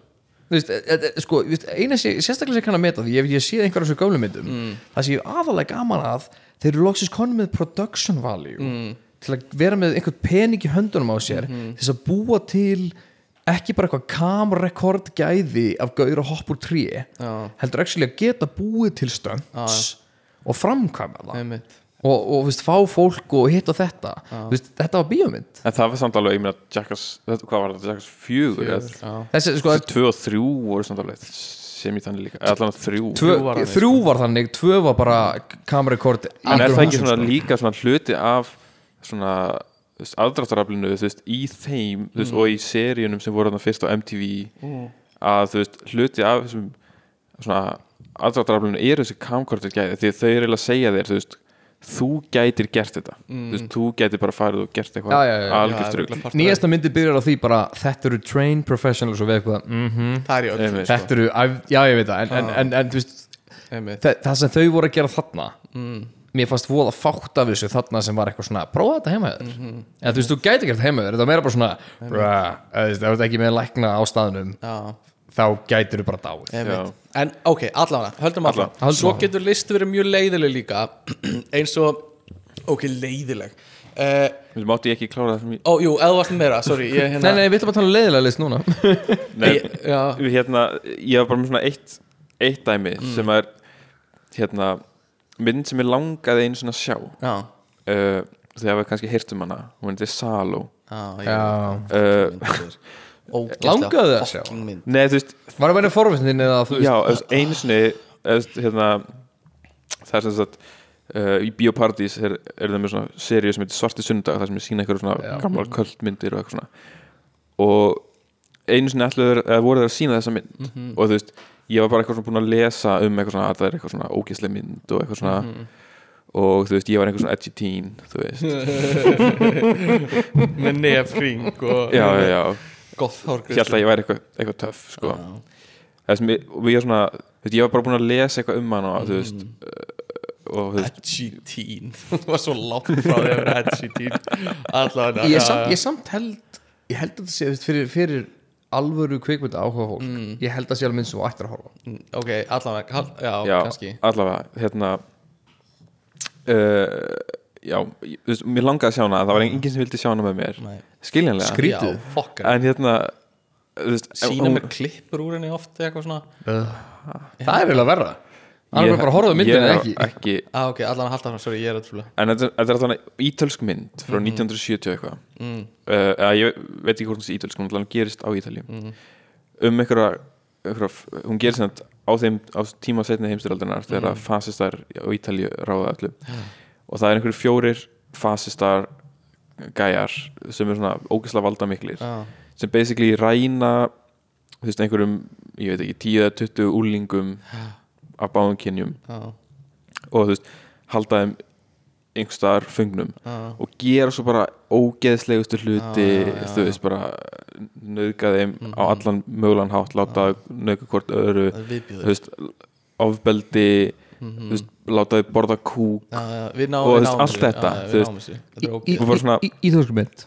Ha, ítölsk er mynd hann ítölsk, ok. Uh, og bara svona uh, veist, það er líka hluta af því að láta leikarinn að gera þetta allt saman. Veist, það er öruglega ekki næs. Nei, en, en veist, að þurfa að leika það að þú fílir það. Mhm. þú veist, einmitt, bara einhvern veginn svona en, en líka það bara, þú veist er þetta list? Eða veist svona, þetta er list en þetta gengur einhvern veginn einmitt. og, og, veist, er, er nóg að bara sjokkara til þess að sé einmitt. list. Veist, þarna, þarna virkar eins og veist, það, leikstöðunum var að reyna veist, koma einhver svona bóðskap á framfæri. Þú veist, þú veist, hann var eitthvað svona það var eitthvað fjallar um bara, þú veist vald sem, mm -hmm. sem sumt fólk hefur yfir öðru. Veist, svona kapitalisma bara, veist, fasismi ríkur. Er ógeðslegur. Já, þú veist, þetta fjallar kannski ekki beint um fasisma, meira bara svona, þú veist, ef þú ert ógislega valda mikill, þá getur basically gert hvað sem er við hvert sem er, þú veist, þetta er svona, eh, svona ég skil að það hafi verið pointið. Já, já, en þú veist, þarft að fara svona langt þú einmitt, veist, einmitt, einmitt. Algjörlega. Já, það er til einn frönsk mynd sem að er fjallar um eitthvað svona hefnimynd þar sem að kona lendir í því að hún henni er hérna ég sé hana? Hann er nöðgað í einhverjum göngum hérna í Fraklandi já, og hún vill vera nöðgað aftur eða eitthvað svona, ertu ekki að tala um það? ég, líklega, ég held að fjalla um hana en allt er góð, en þú veist, það, þú veist það er bara mjög mikið visualization af mm. bókstala ungri konu að vera nauðgað í undir göngum í Fraklandi Já, og þetta þetta er talin ágætis bíómynd og hún er mjög vel gerð og allt það en maður spyr sig ég, er ég þetta eitthvað sem fólk vill, vill eða þarf að vera að horfa á? Já, ég er að hugsa um aðra mynd en Er það? Já, en sam, sam, sam point uh, Allavega, já, algjörlega. Þetta er, uh, já, þarf þetta að ganga svona langt. Uh, Eitt sem ég vil nefna er uh, Ég var að hugsa líka áðan um mynd sem þú- grísk mynd sem þú vildir sína mig brot úr það sem er manneskja að nota lóð til að berja sig í andlitið. Það er finnsk mynd. Finnsk mynd, Nei, nei, nei, nei, grísk, grísk, grísk, grísk, grísk, hún er ógisleg horfðu ekki á hana saman Já, að, ég veit Ekki allavega. ógisleg og, og hérna það sem ég ætlaði að fara að koma að áðan er, þú veist list getur verið leiðileg og það er náttúrulega bara smekksatri en við horfum einu svona á mynd sem heitir Syndoch eitthvað New York. Og Synecdoche. Í New York. Og er ógeðslega svona löng og þunglindisleg og fjallar um hérna uh, mann sem er að heldur hann sé að deyja og eitthvað svona bla bla bla. Uh, svo var ég að lesa viðtal við mannesku sem sagði bara þetta er uppáhaldsmyndi mín og bara ég elska þessa mynd ég get horft á hana endalust en tilfinningi sem ég fekk þegar ég horfði á hana var bara þunglindi allt er ömulegt ég er með sjúkdóma, ég er að fara að deyja eitthvað svona. Og bara sem, sem sýnir bara hvað hvernig túlkurinn hjá fólki getur verið algjörlega mismunandi. Já. og hérna uh, já, en, en hérna þú veist, teknilega sé kannski góð mynd. En, en tilfinningi sem vakti hjá mér var bara var bara, já, bara líða illa sko. Og ekki eitthvað svona ógeð heldur bara svona þunglindisleg mannlíðan sko. Mhm.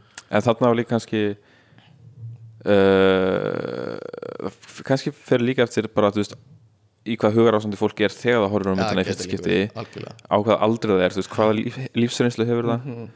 uh, þú veist, þetta var, fárála löngmynd líka löng algjörlega og og, drást og ég held alltaf að hann var að vera búinn en svo dó gæinn aldrei eitthvað svona já en svona þú veist mjög flott fyrir auga þess Mhm. flottir effektar og alls konar flott í gangi Mhm. uh, og þú veist, og kannski þarf maður bara svona að henni nokkur sem gæti verið. til að vinna á og og við líka, oft þegar við horfum á myndir þá googlum við eitthvað mindfuck movies eða eitthvað Já, svona já. best mindfuck movies og við erum bara, að klífa, bara svona farið við hennar lista og þessi mynd átt að vera eitthvað svona eitthvað, uh, eitthvað movies that you won't understand eitthvað svona já. blow your mind eitthvað.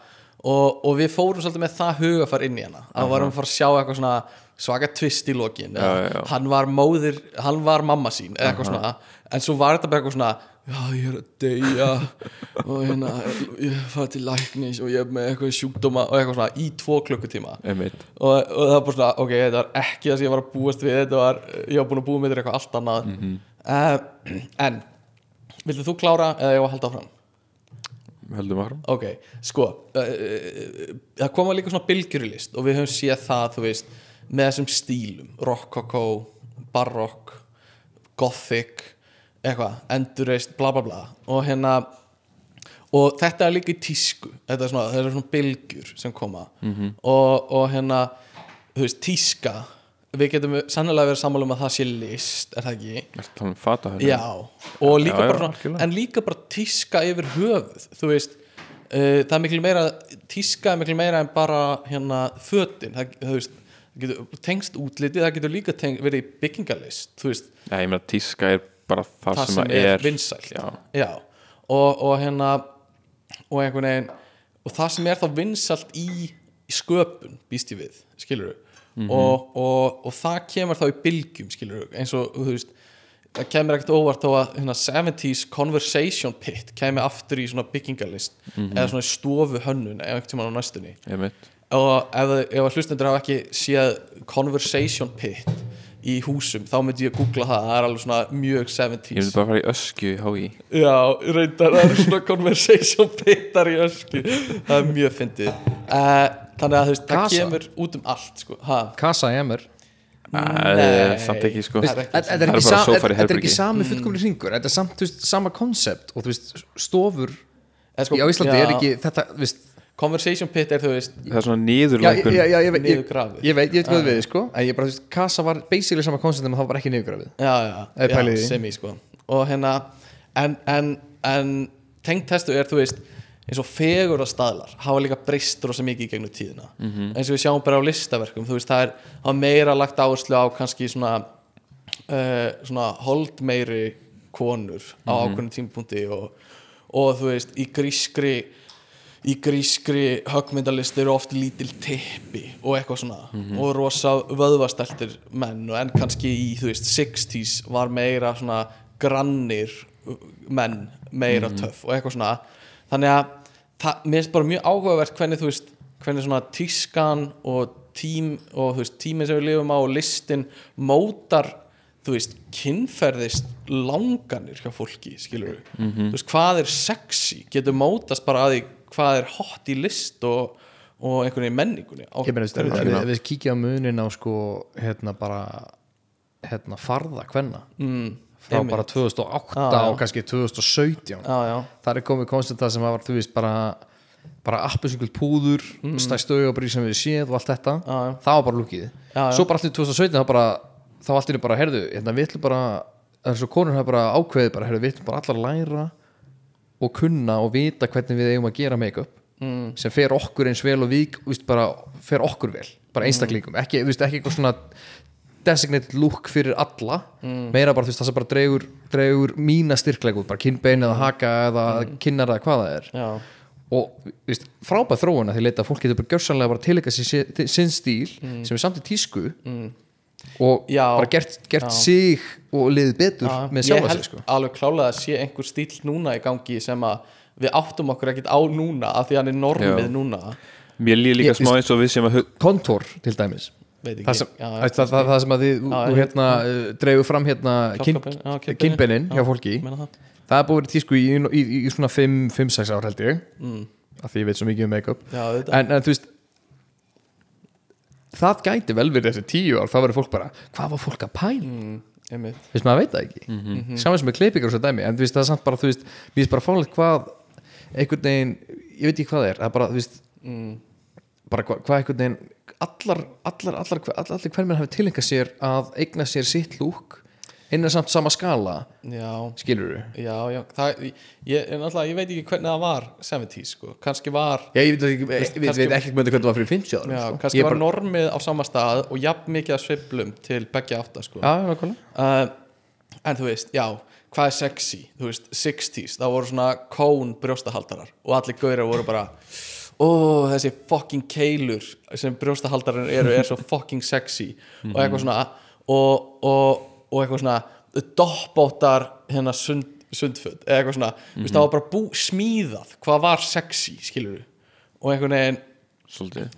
En það ennþá gert. Og það er algjörlega ennþá gert. Ég er bara að tala, veist, ég er bara svona ef við ferðast aftur í tíma þá sjáum við það svolítið skýrt skilur við og, og, og svo svona, þú veist uh, uh, hjá kallmönnum þú veist, hérna girða yfir nafla og það er bara mm, kallin er með gyrt yfir nafla og það er bara, uh, hann er með svo fucking mittis háar buksur fyrir fimm árum hefði þetta verið ekki hot hjá okkur sko bara sjá einhvern á tebó bara eitthvað Gerðu gyrtur ekki, ekki samt komin aftur sko. Já, nei, já, býttu Fuck off.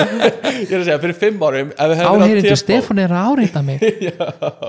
Fucking, já, shut up. Allavega, fyrir fimm árum á tebó bara eitthvað svona, ég mæti bara gýrtur yfir nafla og bara eitthvað svona, jæja stelpur, kallin bara við, sjáu hvað ég er vel gýrtur og tek hérna tómistokki fram og bara síni hvað ég er vel gýrtur bara eitthvað, þetta er alveg tíu centimetra sko. og, og allir hefur bara, hvað ert að gera? En núna eru komnar aftur? Gerðu ekki komin aftur sko. Já, svona gyrðing yfir nafla sem Sko ekki vinn Kannski ekki alveg slaka það En alveg, alveg, alveg, alveg, alveg fín gerðing Já, já, alveg Já, er bara svona Ekki fyrir- meistari ekki ríkisins. nafla. Já, Það er, það er ekki, það er ekki, jó, jó, jó, jó, jó það er ekki komin í 70% gerðingur Jó, jó, jó, jó Og hérna, skinny jeans, ekki the shit núna Heldur bara vel gyrtur fyrir, fyrir, nafla. fyrir fullorðna kall Já, ekki, já, ég skil ekki Tvottarinn ákvaða að, að, að, að pappar eigi ekki verið Ég skinny skil, jeans. ég skil, ég skil. Við, En skinny jeans eru samt ekki tísku heldur hjá ungu fólki núna. Nei, sko, sko Nú minn ég fattabúð mm. Hérna, sko, skinny jeans er svo teginlegt högtak að því leiti að skinny jeans á mismændi manneskum fer svo rosalega mismændi út loksins að tala um sérsviðið þitt, sko. Thank you baby. Búin að, að vera, vera grænda í tísku bransanum seljandi gallabuxur day out day in. Nei, aðmálið er skinnibuxur og grönnu fólki Já. eru tiltölulega mm, ok. Ef þú fyrir skinnibuxur eða, eða ég, Nei, segðu, segðu þú, segðu, segðu ég og bendu þú, mig. ég Já, bend á þig. Já. áhæritur heyra að ég bend á Já. þig. Húsh, ég má ekki verið skinnibuxum af því þá sjást, sést fitan mín. Nei, nei, og nei, vöðvanum nei. mínir. Trestu mér sko, ég, ég hef afgreitt fólk sem myndi ekki kvarla að mér Mm. að ætti að vera í skinnibuxum. Svo fer hann í skinnibuxur, það kom bara fínt út. Þetta, er- þetta, er, þetta er basically bara mitti og legwork bara hvernig lappinu líti Mm-hmm. Já, út. Ég held, ég held aðalega bara að skinnibuxur myndi ekki Mm. fara, vel, fara þig vel. Nei, já, ég, hérna, ég átti miklu vandræða með þetta. Ég hef alltaf verið stór, basically. Og við þurftum alltaf, sko, mamma Kefti alltaf föt á mig. Uh, Kaupi buxur Og eitthvað svona "Æ, Við þurfum að kaupa svolítið stóru stærð Ég þarf að fara til saumakonu og láta stytta þér. Þetta var, bara, þetta var bara það sem var gert, skilur Bara við keftum buxur Og þurftum að aðlaga þær að mínu líkama uh, Til þess að bara finna föt sem virkuðu, skilur uh, að, því, að því mín starð veist, þá var legginni alltaf langir sko. um, ég var bókstala að styrta buxur bara, ég var að sækja að styrta buxur áðan sko.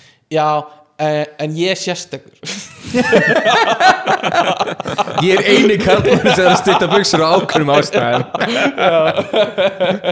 nei, en ég er bara að segja, þetta var protokolli sko. þetta var bara svona, það var ekki hægt að kaupa buxur nema, þú veist uh, nema að láta stytta þér sko. og hérna, uh, já uh, netið hefur svolítið bjarga með hana að það er hægt að, að kaupa föt það sem er sko, ákveðið í mittið og ákveðið lengt mm -hmm. allavegna hvar vorum við? Uh, við vorum að tala um hérna fegurarstandarda já. Uh, uh, uh, já.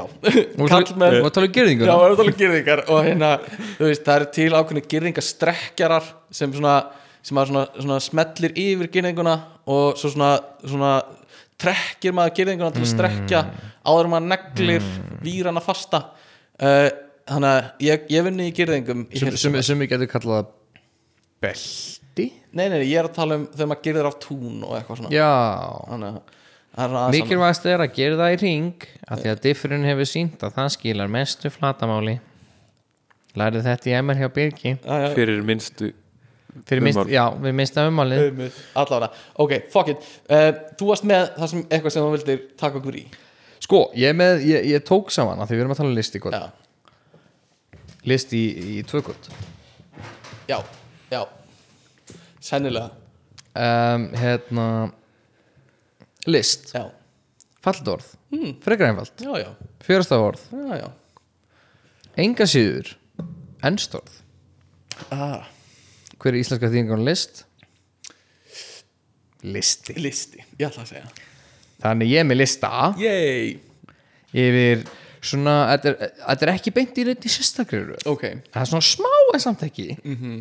Yfir svona topp Þetta er ekki 5 númeraður listi. top 5 erlenda lista sem að, hérna, ég sett inn sem ég finnst svona skemmtilegur og áhrifuríkjur og hafa haft ah, áhrif á samfélagi þetta, ok, þannig við erum að fara úr list yfir í lista það er, það er grínir sem Númer, eitt, númer, Ok, eitt, á þessum lista eru sjómasættinir The Blacklist. Mm, með James Bader einmitt. Þeir eru mjög vinsælir. Ég, ég, ég, þetta er náttúrulega komin einhverjar 8-9 serjur Dveljum ekki lengi við það. Nei, eru- alls, ekki- alls ekki. Það, Þetta er bara, sko, ef þið hafið áhuga bara svona standard svona ah, svona hasar eitthvað svona krimma eitthvað.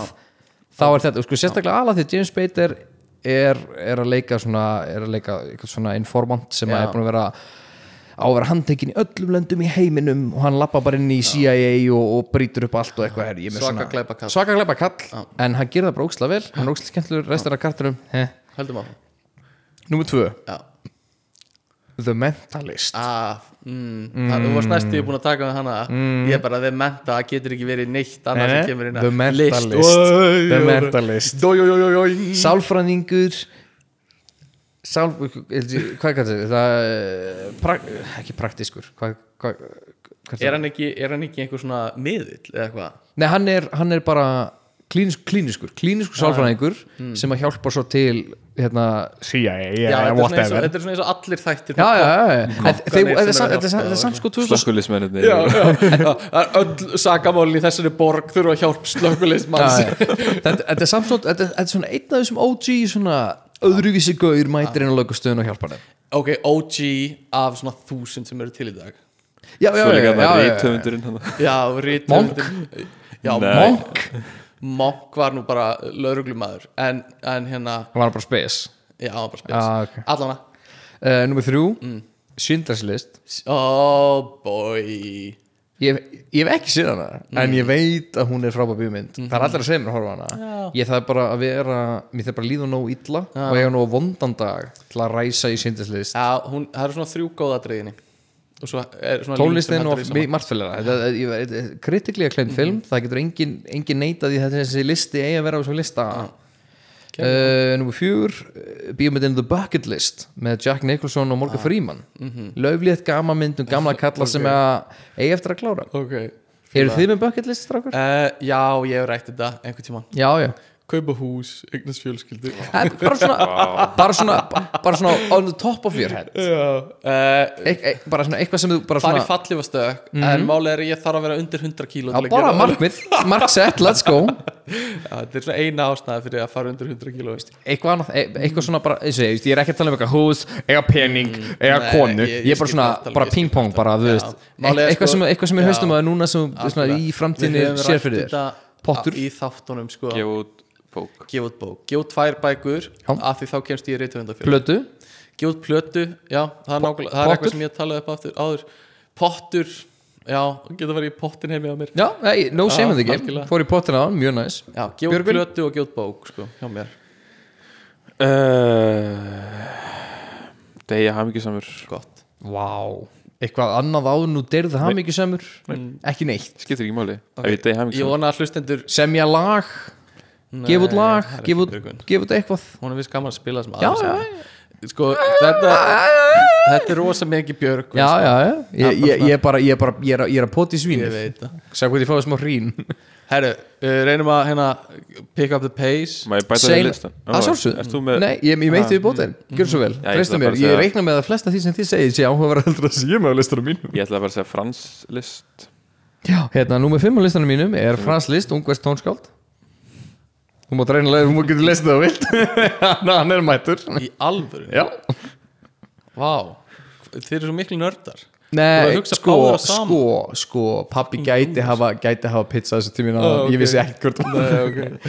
En, en þið, sko, þið hafið öll heyrt lög eftir Frans List, Mm. ég lofa ykkur því. Já. Þetta er svona eitt af þessum svona kannski Við auðlítið köllum það verk. Hmm, tónverk. Já. Já, ég best afsökunar.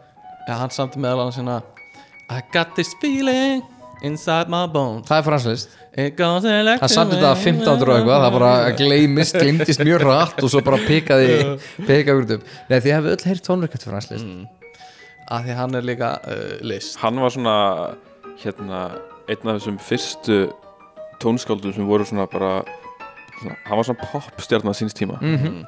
þú veist að bara ég held- ég held allar, bara svona konur uh, þú veist voru bara að deyja yfir honum. Já, það, það, það er svona Þær hendu korsettinu sínu upp á svið þegar hann var að spila. Já, svona því, sko. Svona eins og. Mozart.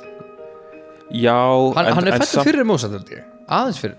Um, Já, gætu verið. Já, allan, skiptir ekki máli. Uh, Vinsall tónlistamæður mjög, Já, mjög, bara ef, ef, ef þið YouTube-ið hérna Hungarian Rhapsody. Já, já. ég er ekki að grínast. Nei, nei, nei, hann er eldri en hann er eldri. En ef, þið- ef, ef YouTube-ið Hungarian Rhapsody tjekkja á því, þetta er lag sem það fyrst þetta er, ja, þú veist og þar, þannig séð þar leðandi þar er listin minn búin yfir, yfir fræga lista Einmitt, sem að tengjast list. Einmitt. Sko, uh, hver er Banksy? ég veit hvað Banksy er en það þýðir að ég þarf að vera senstur. Björgvin, hver er Banksy? uh, Ég bara, veit það ekki. Ég baði um að rannsaka þetta. Já, ég, getur Sko- þú sagt okkur eitthvað um Banksy? Ég hef þú veist hann skemmti verkið sitt. Ég fylgist með fréttum stundum. Ég hef Nei, ansi þú veist, jú, jú, þetta, maður þekkir alveg eitthvað verk eftir hann, ég veit ekkert um hann. Banksy er uh, þekktasti svona uh, listamæður sem hefur kannski ekkert, ekkert andlit. Það veit eiginlega enginn hver Banksy er. Uh, og, og, og er oft með svona gjörninga mál, mál eða svona málaralistaverk. Gjörninga myndlist basically. Já, sko ekki bara myndist þetta, líka bara spraypaint Já. og bara, já, já, já. og hann hefur hann, jú, og hann Ég myndi ekki að þessi málverk samt. Það er nokkuð. Jú, jú, Spraypaints ég myndi alveg segja það. Og Ef, hann ef ég ég, ef ég spraypainta vegg, er það málverk? Já, ég veist að sé alveg hægt að flokka það þannig. Ok. En hann hefur, þú veist, þú veist spreyjað á hlið af einhverju húsi og bara venjulegu húsi hjá einhverju venjulegu fjölskyldu og svo er allt í hennu bara allir sem vilja kaupa það. Og þú veist, svo eru þau allt í einhverju vesinu með að halda því þú veist, að eyðileggist ekki og eitthvað svona bara, þú veist, umturna lífi þessa fólks, mögulega til þess betra samt. En ég hef ansi góðar heimildi fyrir því að Sigurður Ingi sé Bjanksi ok. Um, Nikkei Nekkei uh, uh, Til dæmis hafið einhvern tíma séð Sigur Inga og Banksy á saman stað á saman tíma? Nei, Hef það bara, hefur mögulega enginn gert það af því að það verður enginn sér Banksy, right? og ég hef séð Sigur Inga já, þannig að þú hefur ég hef verið að fundi með hann Sko, ef við ætlum að fylgja kenningunni minni þá hefur Sigur Ingi Banksy ekki verið smerta ok. Uh, og, og Sigur Ingi er svona listræn tekur í nefið. Þetta er allt svona hluti sem Banksy gerir. Þannig að, að hérna uh, en allavega, hver er þín kenning um það hver Banksy er? Sjá til, það er bara skemmtilegt. Ég veit hvað Banksy er. Ah. Banksy, skemmtilegast af Banksy Þetta er ekki ein mannsk Já, þetta eru, þetta eru margar manneskjur. Þetta er, þetta er We Are Anonymous. Mm. mm, Þetta er hópur. Þetta er hópur, Ok, ekki bara hópur Þetta er hljómsveit. Ah, þetta er skóla hljómsveitin í MH Nú, hún var ekki fætt þegar Banksy byrjaði. Ah, Ok, Vil ég, vil Þetta ég er gefa Nickelback fínt gísk Ekkert ósvipað genre ok. Coldplay. Eldra en, en mjög svipað ah, Backstreet Boys I don't know. Beach Boys. En Það er nær en Backstreet Boys. Ok, skiptir ekki máli. Uh, Já, það, fyrir þá sem vita ekki hver Banksy er. Banksy er uh, hinn viðfræga, íska hljómsveit U2 Já Og hvaðan kemur það, koma þessar fréttir? Sko Ég með ykkur bónu Ah, það er eina sem ég geri Já, daginn. ég veit það. Við hugsa um U2 Þið sjá fyrir ykkur bónu Þið gætu þekkt Edge, eða ekki? Já, Hvernig með húuna? Já. Ef hann ekki með húu, myndu þekka Edge? Ég þekki hann ekki Nei, nákvæmlega. er Myndu með þekka Edge ef hann er með húu eða ekki? Nei. Myndu þekka bónu ef hann er með ekki með glörun sín nei. Wow, mind blown. Ok, við höfum komist til boss í þessu máli. Nei, ég, er að segja Bónus er Superman.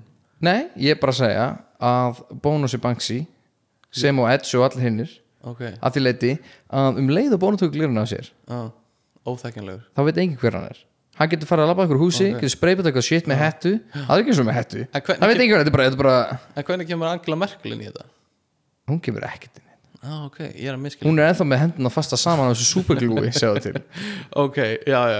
Ok, þannig við, við veitum hver Banksy er Það er YouTube. Það, það, það stemmir bara algjörlega við Einmitt, stemmir algjörlega við það. Þeir voru búin að gefa út nokkra successful plötur. Þeir voru aðeins fannar að decline nokkra successful plötur. Þeir voru í smá decline. Það vant eitthvað hasar. Einmitt. Þannig þeir bara ákváðu að, að breytast yfir líst Algjörlega. Ég ætla að, að renna við nokkra hluti hérna. Uh, Fyrsta lagi, list getur verið notað í svona sálfræði meðferð og mér finnst það mjög svona áhugaverð áhugavert approach. Veist, sköpun getur verið notuð til þess að hjálpa fólki að þú veist uh, að, þekkja sjálft sig. Og þú veist, búa eitthvað til getur, getur þú veist, hjálpa fólki að, að hérna uh, gefa þig svona insýn inn í sjálft sig og, og hjálpa þig að, að þróa með sér einhver svona, einhver svona coping skills og eitthvað svoleiðis. Og þetta er oft notað með börn, skilur að teikna myndir er ágætt dæmi um þetta og hérna, og fólk, þú veist þetta er ákveðið svona self hérna meditation og þú veist, hvernig fólk svona getur díla við tráma í gegnum það sköpun hvað heita þurr hérna myndirnar sem þið sína fólki uh, Já, þetta er Rorschach test er það Rorschach testið? er það þú sem, að- að gaurin í hérna, Watchmen heitir Rorschach ég eða þú ert að tala um sálfræði myndina sem við er að tala um þessa, þessa hvítu sem getur verið hvað, bara það sem þú sérð sko. já, já. að þú segir píka í öll skiptið þá er eitthvað aðeir eru ég ætla bara að henda því inn Mm. eru Rorschach myndir list? uh, mm, Já, ég myndi kannski segja að það er tæ, tæki frekar sko. uh, En, en, jú, en jú það er, það er samt Já, up jú, to jú. interpretation hvað þú sérð af þessum Já, myndum right? Jú, jú, það er kannski list það er einhver sem þurft að skapa þetta Algjörlega sko Já. En, en sko, að, búa eitthvað til getur hjálpað fólki að þú veist vinna úr sínum eigin vandamálum sem ég finnst rosa svona, svona áhugavert og skrifa um það og þú veist og, og þú veist, bara skrifa í dagbók er kannski ekki beint, kannski svona hefðbundin list en það getur, þú veist, bara hjálpa fólki að koma hugsunir og blað og vinna úr hlutum og hérna, og svo að skrifa sögur í kringum eitthvað getur hjálpa fólki að uh, fengið svona conclusion yfir eitthvað sem gerðist aldrei og eitthvað svoleiðis þú veist. Uh, þú, þú lendir í einhverjum átökum með eitthvað, þetta er ógæslega aðsnaldæmi uh, og, og þú skrifar um einhverja personu sem lendir í átökum en yfirstíkur þessu, skilur og svona þú getur unnið úr alls konar málum og ég er náttúrulega ekki sálfræðingur og er bara svolítið að bulla en þú veist, ég veit að þetta er nota svona listsköpunar meðferð við alls konar hluti. Já, já, já. um, þannig að list getur verið notað í alls konar. Uh, sko annað er, er að því við vorum að tala um svona minimalíska list sem er, veist, sem er seld á fullta pening. Og það er ekki alveg jafn einfalt og þú veist, verðmatið á listinni er, er tengt í hversu góðun er þetta er líka notað í, þú veist, peningaþvota tilgangi og skatta undan sko og, og bara svona besta dæmið hvernig þið gera þetta er að þú veist það er ríkt fólk sem fyrir að skoða markaðin og finnur einhverja mynd sem það vil kaupa. Og þarf ekki að vera það góð einu sinni. Og list er algjörlega undir þú veist áhrifundunum komið hversu, hvaða verðan me- metur. Þannig að það er hægt að kaupa þessa mynd kannski á 10 miljónir uh, segjum þetta sé 10 miljónir dollar sem þessi myndi kefta á. Og það sem, það sem þessi ríkall sem vil spara skattin sem gerir hann kaupir myndin á 10 miljónir getur engin sagt um að þetta sé rántverð að þetta er list. Um leið hann er búin að kaupa það fer hann með þetta í það sem heitir Freeport sem er bara svona staður það sem er hægt að geima hluti og það er ekki skattlagt. Þannig að það getur bara farið með þetta beint þangað og það er ekki borgun einn skatta því. Svo líða nokkur ár og eftir þann tíma ákveðurna að hérna þá búið að uh, verðmeta myndina á kannski 25 miljónir sem er þú veist 15 miljónum hærra en hann kefti hann á. Og þá getur hann til dæmis tekið myndina og gefið á einhver sapn svona donata því sem þá góðgera starfsemi. Og það þýðir að hann getur afskrifað það sem verðið sem er lagt á myndina sem er núna 25 miljónir hann kefti hann á 10 þannig að donatar 25 miljón krónum mynd til einhver saps og getur þá afskrifað af sér 15 miljónir -hmm. Þannig að hann er að koma í 15 miljónar plus út úr þessu. Það er þannig sem mikið af svona listaverkum eru seld og, hérna, og eru notuð sem bara skatta undanskot fyrir ríkt fólk. Og er ekki eins og hann hefur þetta ekki eins og til sínist heima hjá sér. Hann er bara að kaupa þetta til að geima þetta í vöruhúsi í einhver ár til þess að geta nota þetta sem skatta undanskot eftir þessi mörg ár. Sko, það er líka sko það, er býnum fyndið. Mm. ég er tilbúin að hlæja. Já, já, þetta er býnum skotið sko, ég hef allavega, ég hef heyrt um Mm. Það sem fólk er að borga fyrir ákveðið koncept Mm. sem kostar kannski einhverjar miljónir Mhm. með því að basically hluti af því er einfallega listaverk Mm. já, innmitt uh, veist, þú Mm. veist, ég ætla að greiða í, þú átt, íbúð já, og ég ætla, ég ætla að kaupa þessi íbúð að þér þannig ég ætla að greiða ákveðna, í- þú veist, ákveðn hluta þessari íbúð ég ætla að greiða þér ákveðin pening einmitt. og svo kemur eitt málverk með já, sem að er metið á einhvern pening. Einmitt. Og það er bara official bara stamp bara einhvern gjaldmiðl og það, þetta er virt sem gjaldmiðl já, já, einmitt. Sem er alltaf gjörsamlega obscure concept. Já, já, einmitt, að því þú veist, einmitt þetta minnir mig að einhverju leiti á það sem er í gangi í, í krypto NFT ég ég er að segja það, er það. Það er bara, veist, hérna er listaverk. Eins og stendur akkur núna, þetta metið á þennan pening. Þú þarft ekki að taka Nei. en þú getur sagt bara, heyrðu, ég ætla ekki að segja sem. Ég skal taka þetta upp í sem ákveðin hlutagreiðslunni Já, já. og þá bara ertu allir komið ykkur á mynd. Einmitt, sem eiginlega þú bara þinn þín þinn er Þú veist, ég veit ekki bara svona, já, heiði, ég ætla að hérna, borga hérna einu hálfa miljón og, og þetta málverk hérna á vegg, það er að þrjár. Fá kjarval hérna. Já, kjærval hérna þrjár, mig þrjár tilbaka miljónir. bara já, einu og er fimm, fæ ég já, einmitt. En er það ekki bara veist, Er það eitthvað skrítið? Eða þú veist sko, að pínu, því sk- pínu skrítið að, að vera versla í konsepti sem að er ekki staðfæstu gjaldmiðl í landinu sem þú ert að vinna með. Er það og, ekki? og En smá er- huglegt Er það ekki? Ég er, En ég, er að samla því. Já, ég meina kannski að því En- leiti er það skrítið. Já, ok En þetta er bara svona Þetta er bara vöruskipti, basically. Þetta, þetta er Eða það, þetta er, er svona hlut, hlut, hlutvöruskipti, já. En á hlut sem að sko, jú, hús geta líka rokkað eins og, eins og málverk. En málverk eru öðruvísi metin heldur en hús. Já, Vist, það er alveg það, þetta er meira bara svona einhver, þú veist, einhvern stimpil frá einhverju gaur sem er virtur málverka met, metari Já. eða eitthvað og, og hann er bara, já, mér finnst þetta að vera Einmitt. e- 1,6 einmitt. Svo kannski ætlar hann að selja þetta og eitthvað gaur er bara, na brav þú veist, það- þetta er, þetta er kannski 500 skall bestafall og þú bara á einu degi þetta var bara að missa, missa miljóna því eitthvað gaur og annar gaur var bara hinn görðu það bara ekki, ekki, ekki með þetta hreinu sko. sko, já og uh, hversu unshaky fucking fucking gjaldmiðl er þetta greið í sko. Ég meina, þú veist, þú þá er málverk í rauninni bara fjárfesting. Þú eins já, og, já, já, eins já. og fólk Þetta- nota þetta þetta er bara listaverk, sens sko, þú bara taka sens á því að taka þessum díl en það að fólk geti bókstælega bóðið listaverk sem hlut af greiðslu finnst mér vera svona temmilega obskú já, sko uh, algjörlega. Og nokkur hlutir í þessu. Ég held, ég var að tala um NFT sáðan. Ég held að gæti verið að einhver hluti af því og, og partur að því af hverju þetta er svona dýrt og eitthvað svona geti verið að einhver er að nota þetta í eitthvað svona smá shady skattask tilgangi mögulega. Eða eitthvað svona ekki endilega akkurat, að nú, kaupa akkurat þetta. núna hlýtur að vera. Já, eða ekki að kaupa þetta út af veist, listinni bakveða heldur meira að þið sjá einhvern svona peningalegan tilgangi í því. Ekki með einhverja, ekki, ekki með einhverja fucking apa sem eiga þykjast að líti út eins og fucking frækt Já, fólk, ég, ég nenni ekki eins og að fara út í það sko. þetta er svo þetta er, þetta er, já, allana uh, annað sem ég heyrði var að þú veist, þú get, ef þú lendir í gjaldtrúti þá einhvers staðar, í einhverju löndum getur þú veist, haldið eftir listaverkunum þínum, af því þú veist uh, þau eru eitthvað svo skringilega verðmyndin, eitthvað þú veist, það er ekki að taka þau eignar á mig, beint uh, sem ég fannst alltaf áhugavert uh, sko, við erum búin að kofra ansi margt í þessum þætti. Í lokin langaði mig bara að tala um rítskoðunarlist og hérna uh, og það er, þú veist uh, þú veist, hversu mikið hvað eigum við að rítskoðalist þú veist, af nýri list, hvað eigum við að leifa hvað eigum við að, veist, að leifa að búa til, skapa eins og myndin sem þú varst að tala um áðan um ógeð veist, hefur verið bönnuð á mörgum stöðum. Þú veist, á að, á að banna mynd, veist, list þó hún hún eru ekki ógeðsleg. bönnuð að því að það má ekki sína í síningarhús Þú mátt alveg horfa á myndina. ég, ég Heima ekki alveg ekki? sko, en þú veist það er uh, samt það skilur veist, e- e- Er bókstælega verið að banna lista því leita að það má enginn horfa á hana? Uh, ég, ég Er það hægt? Já, Já, það, þú er hægt það hefur sko. verið gert. Já, já. En þú veist, það hefur verið gert en þú veist, er, er það veist, síðan kannski, I don't know, 2000 og eitthvað? Ég veit, það- ég veit ekki hvort það sé einhver dæmi um það á Íslandi núna að einhver ákveðin listaverk séu bönnuð. Nei, ég er bara, ég bara svo að tala um, in general bara, þú veist, í löndum, jú, fyrir utan kannski einhverja trúalegar ástæður, eða eitthvað svona, eitthvað svona me, kannski öllítið obskjúr, bara, bara standard bara er einhver, er einhver ríkistjóð sem er bara, já, þetta er ekki í lagi af því við höldum að þetta muni skada almenning. Það getur skilur. verið einhver svona nefnd sem að fyrir yfir einhver svona mál eða eitthvað. Ég er bara bara, ekki sér til, ég, bara, ég hef ekki, ég hef ekki heyrt um þetta. Líka ég, bara lögin eru að setja ykkur skorður um hvað má og hvað má ekki.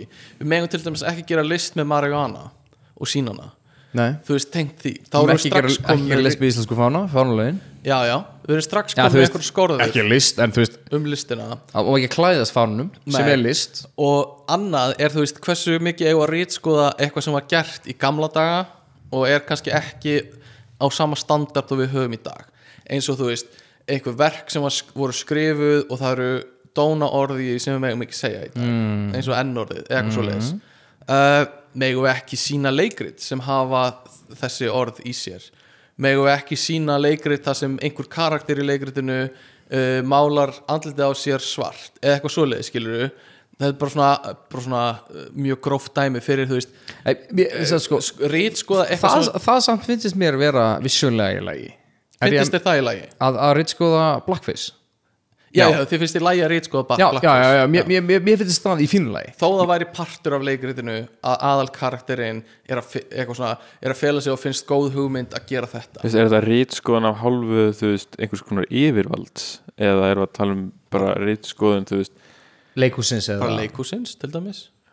Mér finnst allt, allt í góðu ef að leikhúsið er, að- er að sína leikrit og Mhm. það væri, þú veist að hvíta mannskjan væri að þykjast vera svartum maður og svona dæmi. Mhm. mér, ég held mér finnst allt í lagi að þeir væri bara herðu þetta er ekki, ekki þetta er ekki að hjálpa neinum. Þetta er, þetta er bara, þetta er bara Mhm.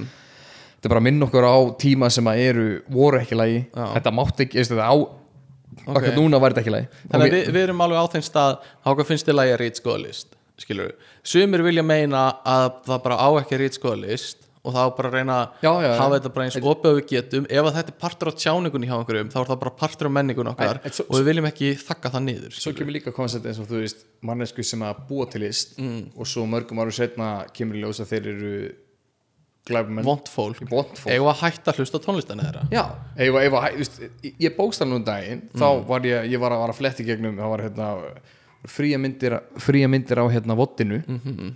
Og eina eina myndin sem poppaði upp var helt, hvað er þetta, Seventh Gate eða eitthvað, þetta er eitthvað mynd hérna eftir Roman Polanski með Johnny Depp. Mm. ég var að fletta ekki um þetta, ég var svona ok jú, ég, ég, heyrti eitthvað um þessu mynd og mm þetta er ekkert frábæð mynd en þetta er alveg mynd. Og svo sá ég að Roman Polanski á leikstrinni og ég hugsaði bara, já Já, já, ég þarf ekki, já, hann er bara, bara, bara veist, hann er staðfestu bandaríkur Einmitt. ástæð fyrir hann flúði land Já, já, og hefur ekki sést í bandaríkur síðan, þú veist, og ég sagði bara, ég þarf ekki að horfa þessu mynd. Já. Mér langaði ekki að horfa þessu mynd út af þeirra ástæðu. En, en, veist, en það, það er samt ekki dendilega rít sko, nei, nei, nei, nei, það- veist, konceptið er skilur myndin var gerð áður en allt kom í ljós. Já, já, já, já. það er það sem ég er að segja, þegar hann gerði myndina þá var þetta bara maður, leikstóri, góðu leikstóri sem er gert fullt af góða myndum.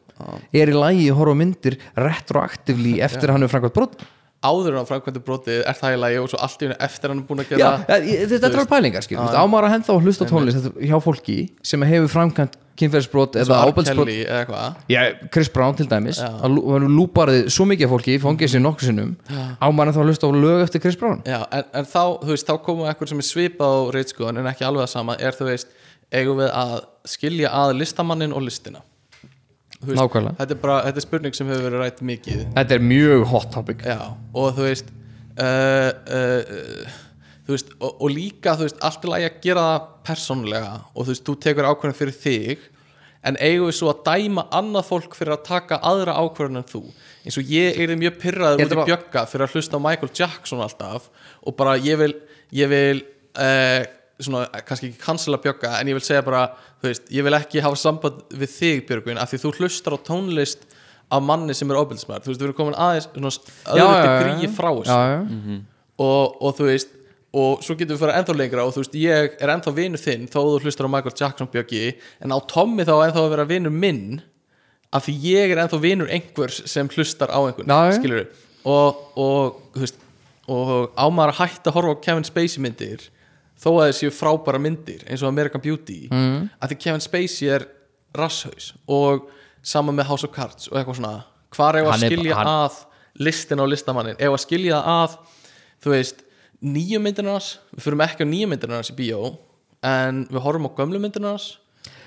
Þetta, þetta er búið að vera umræða núna í fleiri, fleiri ár eftir að svona þessi vitundavakning var á því að þetta er issue. Og þú veist maður spyr sig, ég veit ekki þú veist, ég, ég, ég, ég tek alveg meðutar ákvarðan um samdæmi. Veist, ég hef alveg tekið teki lög út af playlistum að því ég veit að, að mannskjöndar sem gerði þessi lög eru orðið viðbjóður ég hef gert það líka sko. En er það er það ekki samt vegna þess að þér líður eitthvað óþægilega við hlusta á- það, það, er það er alveg málið og þess vegna líkar ég að pæla Vist, ég, ég hef alveg dæmt manneskur ekki viljandi, veist, ég hef ekki sagt það við þær en ég var svona ómeð, meðvitað í hausnum að bara dæmt mannesku fyrir að gera eitthvað ákveðið varðandi einhver sem manneskur, horfa á myndir eða hlusta á lög eða whatever. En ég hef líka slefti af einhverjum ástæðum eða eitthvað, þú veist, það er bara, þetta er bara einhvern veginn þetta er bara, er bara eitthvað svona momentary bara svona ákvörðantaka sem er tekin og þegar hún hefur verið tekin þá einhvern veginn er ég ekki beint að steppir ennþá með eitthvað Chris Brownlega á playstation sínum, hann er ógeð. En þú ert ennþá með beat it á, á playstation þínum og ég eitthvað, já, ég með, þú veist, Michael Jackson skilur við, hann er kóngurinn, já, þú veist, jú, hann er algjörð ógeð og allt það, þú veist, svona, alltaf, þú veist, orrómatir eru þar whatever og maður er svona, ok. En, þú veist, ma- ég hef alveg tekið þannig ákvörðun. Og ég, veist, ég veit ekki hvernig það eru núna. Mér líður um það núna. Þetta er ekki, þetta er ekki eitthvað sem ég, ég regjulega með listi sem ég fer yfir. Já, sko, þetta er erfið spurning og við erum alltaf, eins og alltaf. Við erum ekki bara að leysa hana hér. Uh, en uh, uh, það sem ég ætla að segja er ég veit ekki hvað mér finnst um að svona second degree dæmingar sko. Uh, og Nei. third degree dæmingar. Og hérna uh, uh, þú veist, dæma einhvern sem er ekki að dæma eins og ég einhver annan, skilur við Nei, veistu, sko, mér- mér finnst mér finnst erfitt að ætla að hætta að umgáðast fólk af því það er ennþá að hlusta eða horfa eða gera eitthvað farandi einhvern aðeins sem ég, mér kannski líka illa. Já, að, þú veist, þú getur, þú get, og ég gerir það líka og þú veist, þú getur tekið ákvarðanir út frá þér Já. og hvern þú ætlar að hætta að umgangast eða hlusta á eða horfa á. Uh, en þú veist, svo leikið sem það er ekki að horfa einhver svona KKK uh, kvikmyndir eða eitthvað svona þá, finn, þá finnst mér en, svona en þú veist, þá, þá væri þú samt ekki að hætta umgangast manneskuna vegna svona að horfa á KKK myndina heldur út af hugarfæri já, mönar þú já, veist, já. Eða svona en það er samt miklu meira loðið í svona, í svona pop artist dóti sko, finnst mér. Veist, þetta var svolítið stert dæmi með KKK sko. Veist, þetta verður meira loðið með líka mannesku sem er svona næstuð í kansiluð uh, en er ekki alveg kansiluð skilur við, Mhm. þú veist, sem er hérna gott dæmi er Verkuð já, já þú veist, átt að hætta að vera vinur einhvers sem er með Ingo playlistana sínum. Mér finnst þú að veist, Mér finnst maður hefði ætti, ætti aldrei að vera vinur einhvers sem var mingo já, ok, frá byrjun. En þú veist, algjörlega ég skil ekki Björgur fær nokkuð stig þannig mm, einmitt.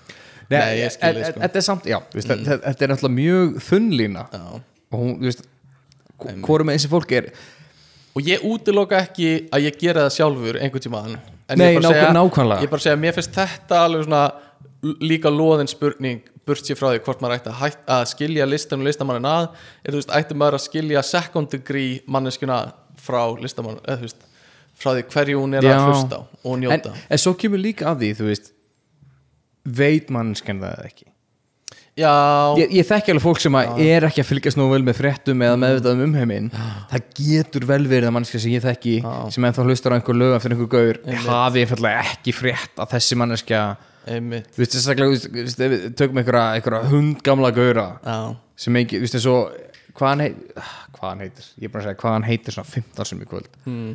hérna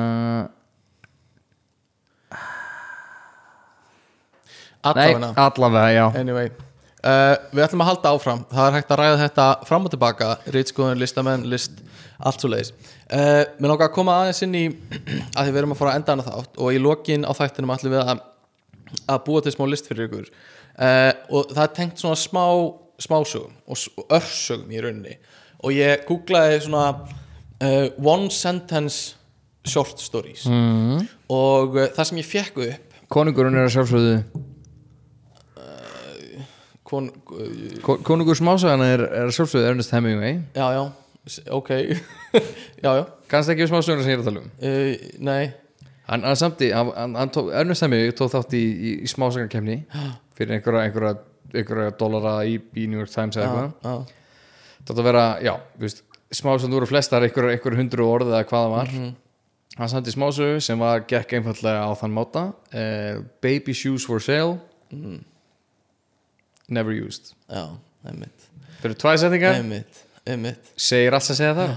Einmitt. Voru þeir of litlir þá? Já, þeir voru litlir, það var vandamáli Keift árun að fætti, sko. Já. uh, en, en þetta var, ég var að skoða eitthvað svona eitthvað svona, uh, eitthvað svona örsögur, einsetning og það, er, það var allt á einhver svona depressing bakgrunnsmynd að einhverju mannesku út í glugga að gráta og, og svo er svona texti yfir myndinni og þetta er allt eitthvað svona, eitthvað svona edgy emo dót sem Life hits you hard. já, já, já. eitthvað svona sem 14 ára ég hefði verið bara eitthvað svona wow, trúir þessu eitthvað svona deep man eitthvað svona og uh, þetta er eitt dæmi er hérna þetta hérna one more time we were strangers but this time with memories eitthvað svona, eitthvað svona við vorum í sambandi en erum hætt saman. Og núna erum við aftur or, ó, þú veist, strangers. En þú veist, ég er ekki ástæðing fyrir einhvern veginn, allar svona sögur eru einhvern veginn svona svolítið emo er vegna þess að þú veist, hugmyndin er að þú veist, koma einhver svona skilabóðum Já, í jú, jú. ógæslega stutt form. Jú, jú, en ef þetta væri bara eitthvað svona það var ógæslega gaman hjá okkur. Fórum í hústýragarðin oh my god, we had so much fun. Og ég, það er meira hérna þessi er uh, aðeins öðru í sí þetta er svona man and God met somewhere both exclaimed my creator. Þetta er svona, oh svona börnu þess að vera svona edgy hérna trúleysingja dóti eitthvað svona. Um, þetta, þetta, er svona, þetta virkar eins og bara eitthvað svona comic eða svona uh, einhver svona myndasæð á netinu. Mm, Já, þetta er svolítið þannig og hérna er The hungry innocent didn't even get the bread but the picture was sold in millions in which the boy was sad. Þetta er svona um eitthvað svona hungusneið í Afríku og það er einhver ljósmyndar að taka mynd. og, og hérna við erum að, að hérna, nota börnin í Afríku í fréttahefnið okkar The fool didn't know it was impossible so he did it.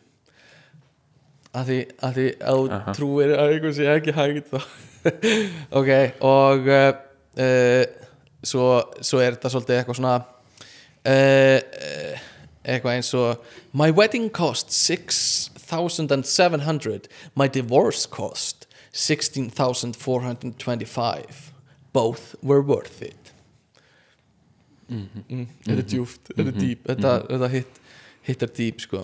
En þetta er líka svona þetta er allt ótrúlega augljóst. Eða svona einhvern veginn þú veist eins og eða með svona, þú veist, þú með lengri sögur Mm. lengri, þú veist, ljóð eða eitthvað Mhm. þú veist, það getur alveg verið að segja svona falinmerking sem þú kannski fattar ekki strax. En Já. með allt þetta, ég veit ekki kannski bara vegna þess að Mm. Nei, ég veit það ekki En það er allt bara svona, maður heyrir þetta og maður svona Já, ok, Já, ok ég skil En sko, Einmitt, og, og, og síðasta sem ég ætla að taka hérna uh, er, er er svona þetta er svona, þetta er eitthvað svona grasp þegar maður segir sem maður er svona hæ hérna What if after you die God asks you So, how did you like heaven? Af því við erum að við búum, búum mm. í himnaríki núna. Og Eh, erum að sko, njóta tíman sem við höfum. það er til sko, það er til, það er til hérna mjög, mjög skemmtilegt subreddit. Mm. áreddit. Mm.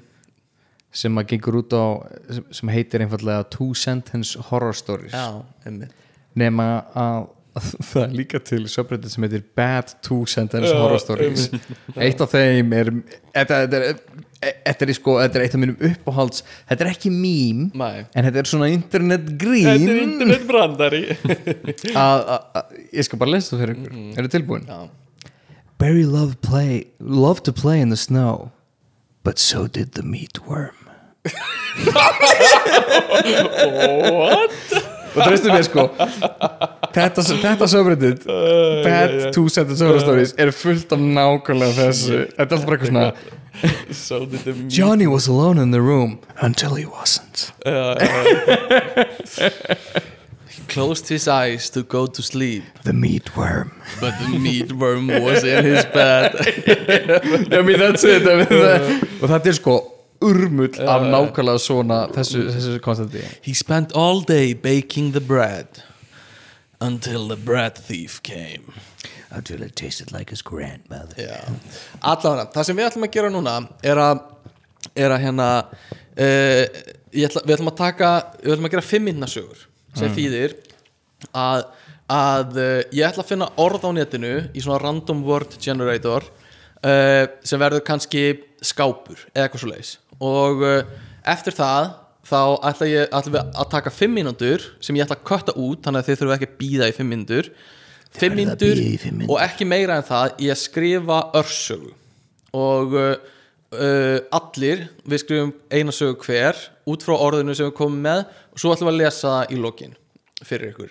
Þannig að núna ætlum við að kötta uh, kannski f- sex mínútur fram í tíman þegar við erum búin að skrifa fimm mínúna sögu og hérna, þetta verður örgulega mjög slæmt og endar örgulega með því að karakterinu deyja eitthvað, það er svona klassískur endur á svona sögum. En hérna uh, þannig að við sjáumst eftir 5 mínútur og 30 sekundur 1, 2 og núna. Nei, nei, nei. Þú, ok, þú segir mér hversu oft ég á íta á takkan til að generata 10 orð Þú segir mér hvað, hvaða, númer hvaða orð? Ok, hversu oft á ég að íta á generata Ég ætla að fara í random number sin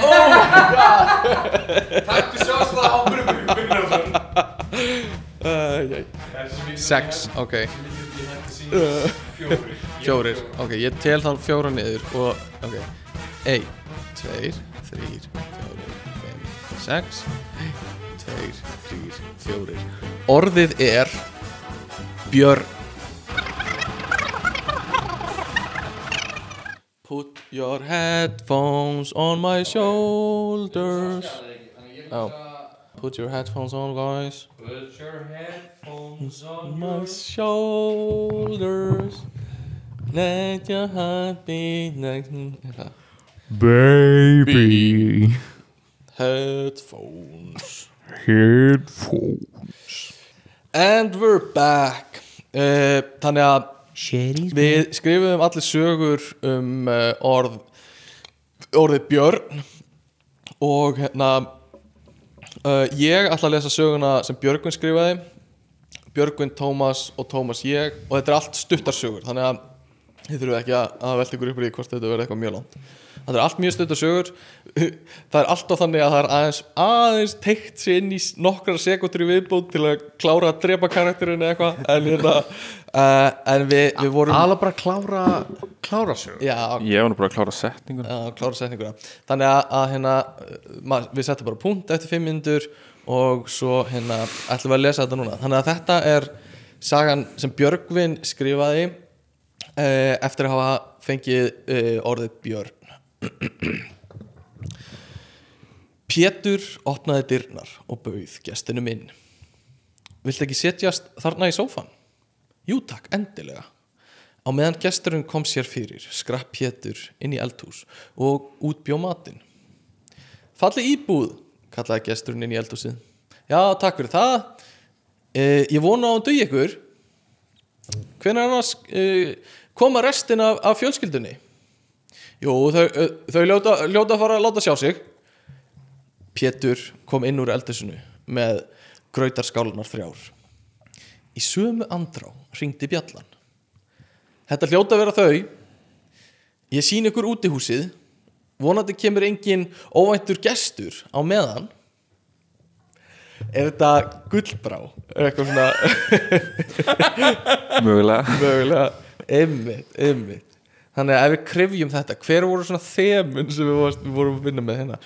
Já, hérna uh, Þetta er fimm mynda sagan að spjöka Og hérna uh, svona ævintýra bragur yfir henni. Það er vísun, vísan er það vísanir hérna þvers og kruss uh, þannig að þetta var mjög næs.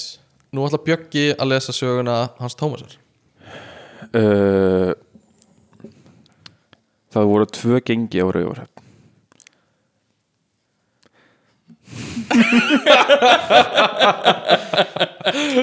byrja bara í.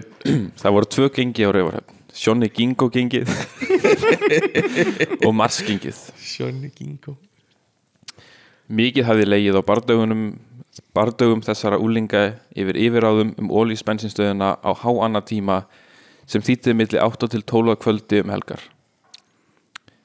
Það höfðu verið margir slægir með tilheyrandi skiptiliklum og kúbeinum en þetta kvöldi mætti Ísbjörn frá norður heimskauti sem flöyt yfir þá grænlandi og drap gúnda hjá Sjonna Gingo Gang. Gengið hitt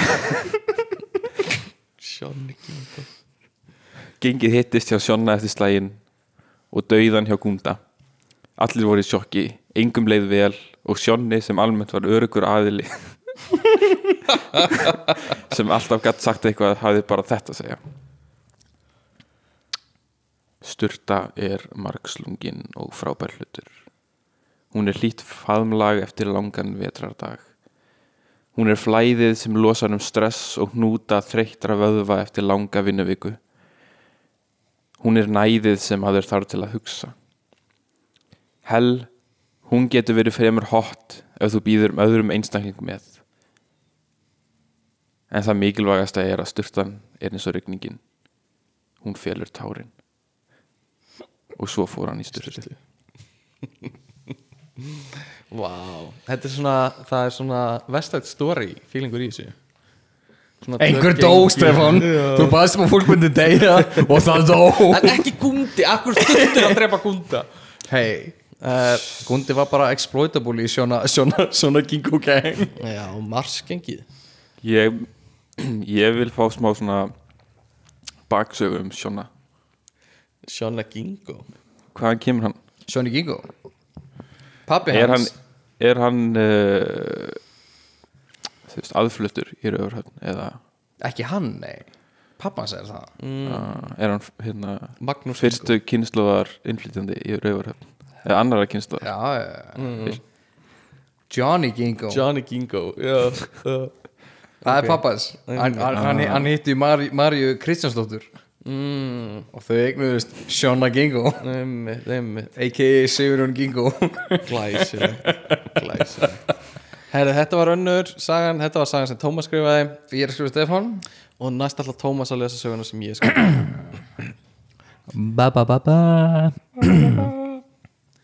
Hann klæjaði í húðina. Með hverri handarhefingunni Þar sem neglurnar runnu yfir hana Ristu þær hana Hann, ristu þær hann. Jæja Hann klæði húðina. Með hverju handarhefingu þar sem neglurnar runnu yfir hana ristu þær hann og rifu húðina upp. Hann fann sáni stækka og við hverja hefingu Feldurinn undir húð leðrinu varð æsínlegri Hvað er að gerast? Hann gat ekki hægt að klóra sér. Þetta, er- er frábær flutningur. Þetta er akkurat eins og ég ímyndaði með flutningin á þessu texti Hann gat ekki hægt að klóra sér þó hann sæi hrúuna af hans eigin, eigin húð hrannast upp fyrir neðan sig. Öll skilningavitin voru yfir, voru yfir snúningi voru yfir snúningi.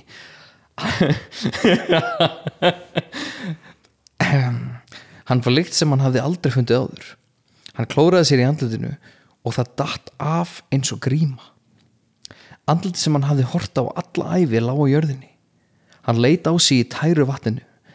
Eina sem starði á móti var andlit bjarnar. Augun voru, augun voru hans hugsanindar hans tilfinningarnar hans. En þetta var ekki hann. Já. Þetta er ótrúlega flutningur. Nei. Uh, ég, ég hefði getað flutt þetta fínt en þú baðst okkur um að lesa þetta ekki. Já, já, það er ég lest það fyrir þetta hefur verið fínt, fínt flutningur að ég byggi þér alltaf að rennja þetta einu sinni. Hann gæti ekki hægt að klóra. Sér Það gæti ekki hægt að klóra. Sér uh, Vi, við að lesa hann fokkin litlu gulu hænun í fyrsta begg hann gæti ekki hægt að klára sér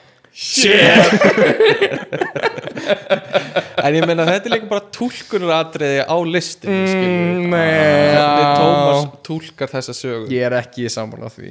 Uh, En hérna þetta var, þetta var svona við sláum botnin í þáttin með þessu uh, með þessum litlu örsögum okkar. Um, hafið samband að ekkert að frétta uh, at gmail.com eða vil senda okkur post?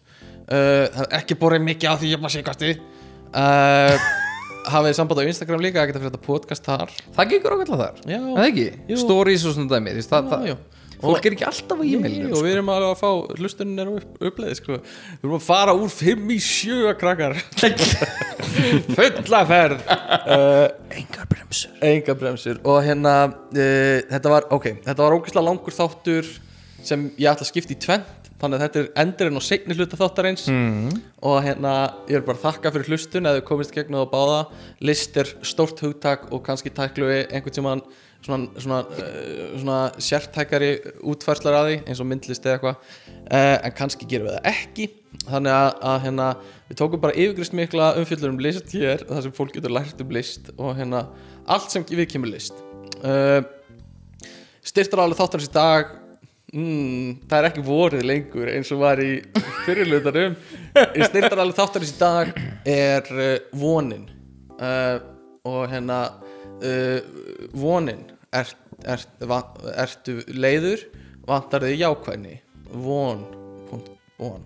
Heldur þið gangandi þangað til að vonbyrðin koma. Já, Farða á skástrík ekkert að frétta. Já, til að fá 30 daga 30 daga kynningar hérna, uh, uh, áskrift af voninni. Það gæti gengur betur heldur en indrið.is mm. af því hún virkar ekki. Ég reyndi. Já, uh, Þannig að hérna ég er bara að tefja núna þannig ég ætla bara að segja hérna uh, takk fyrir að hlusta og uh, góða stundir. Uh, Takk Tómas aftur líka fyrir að vera með okkur dag. Og ég segi bara bye. Bless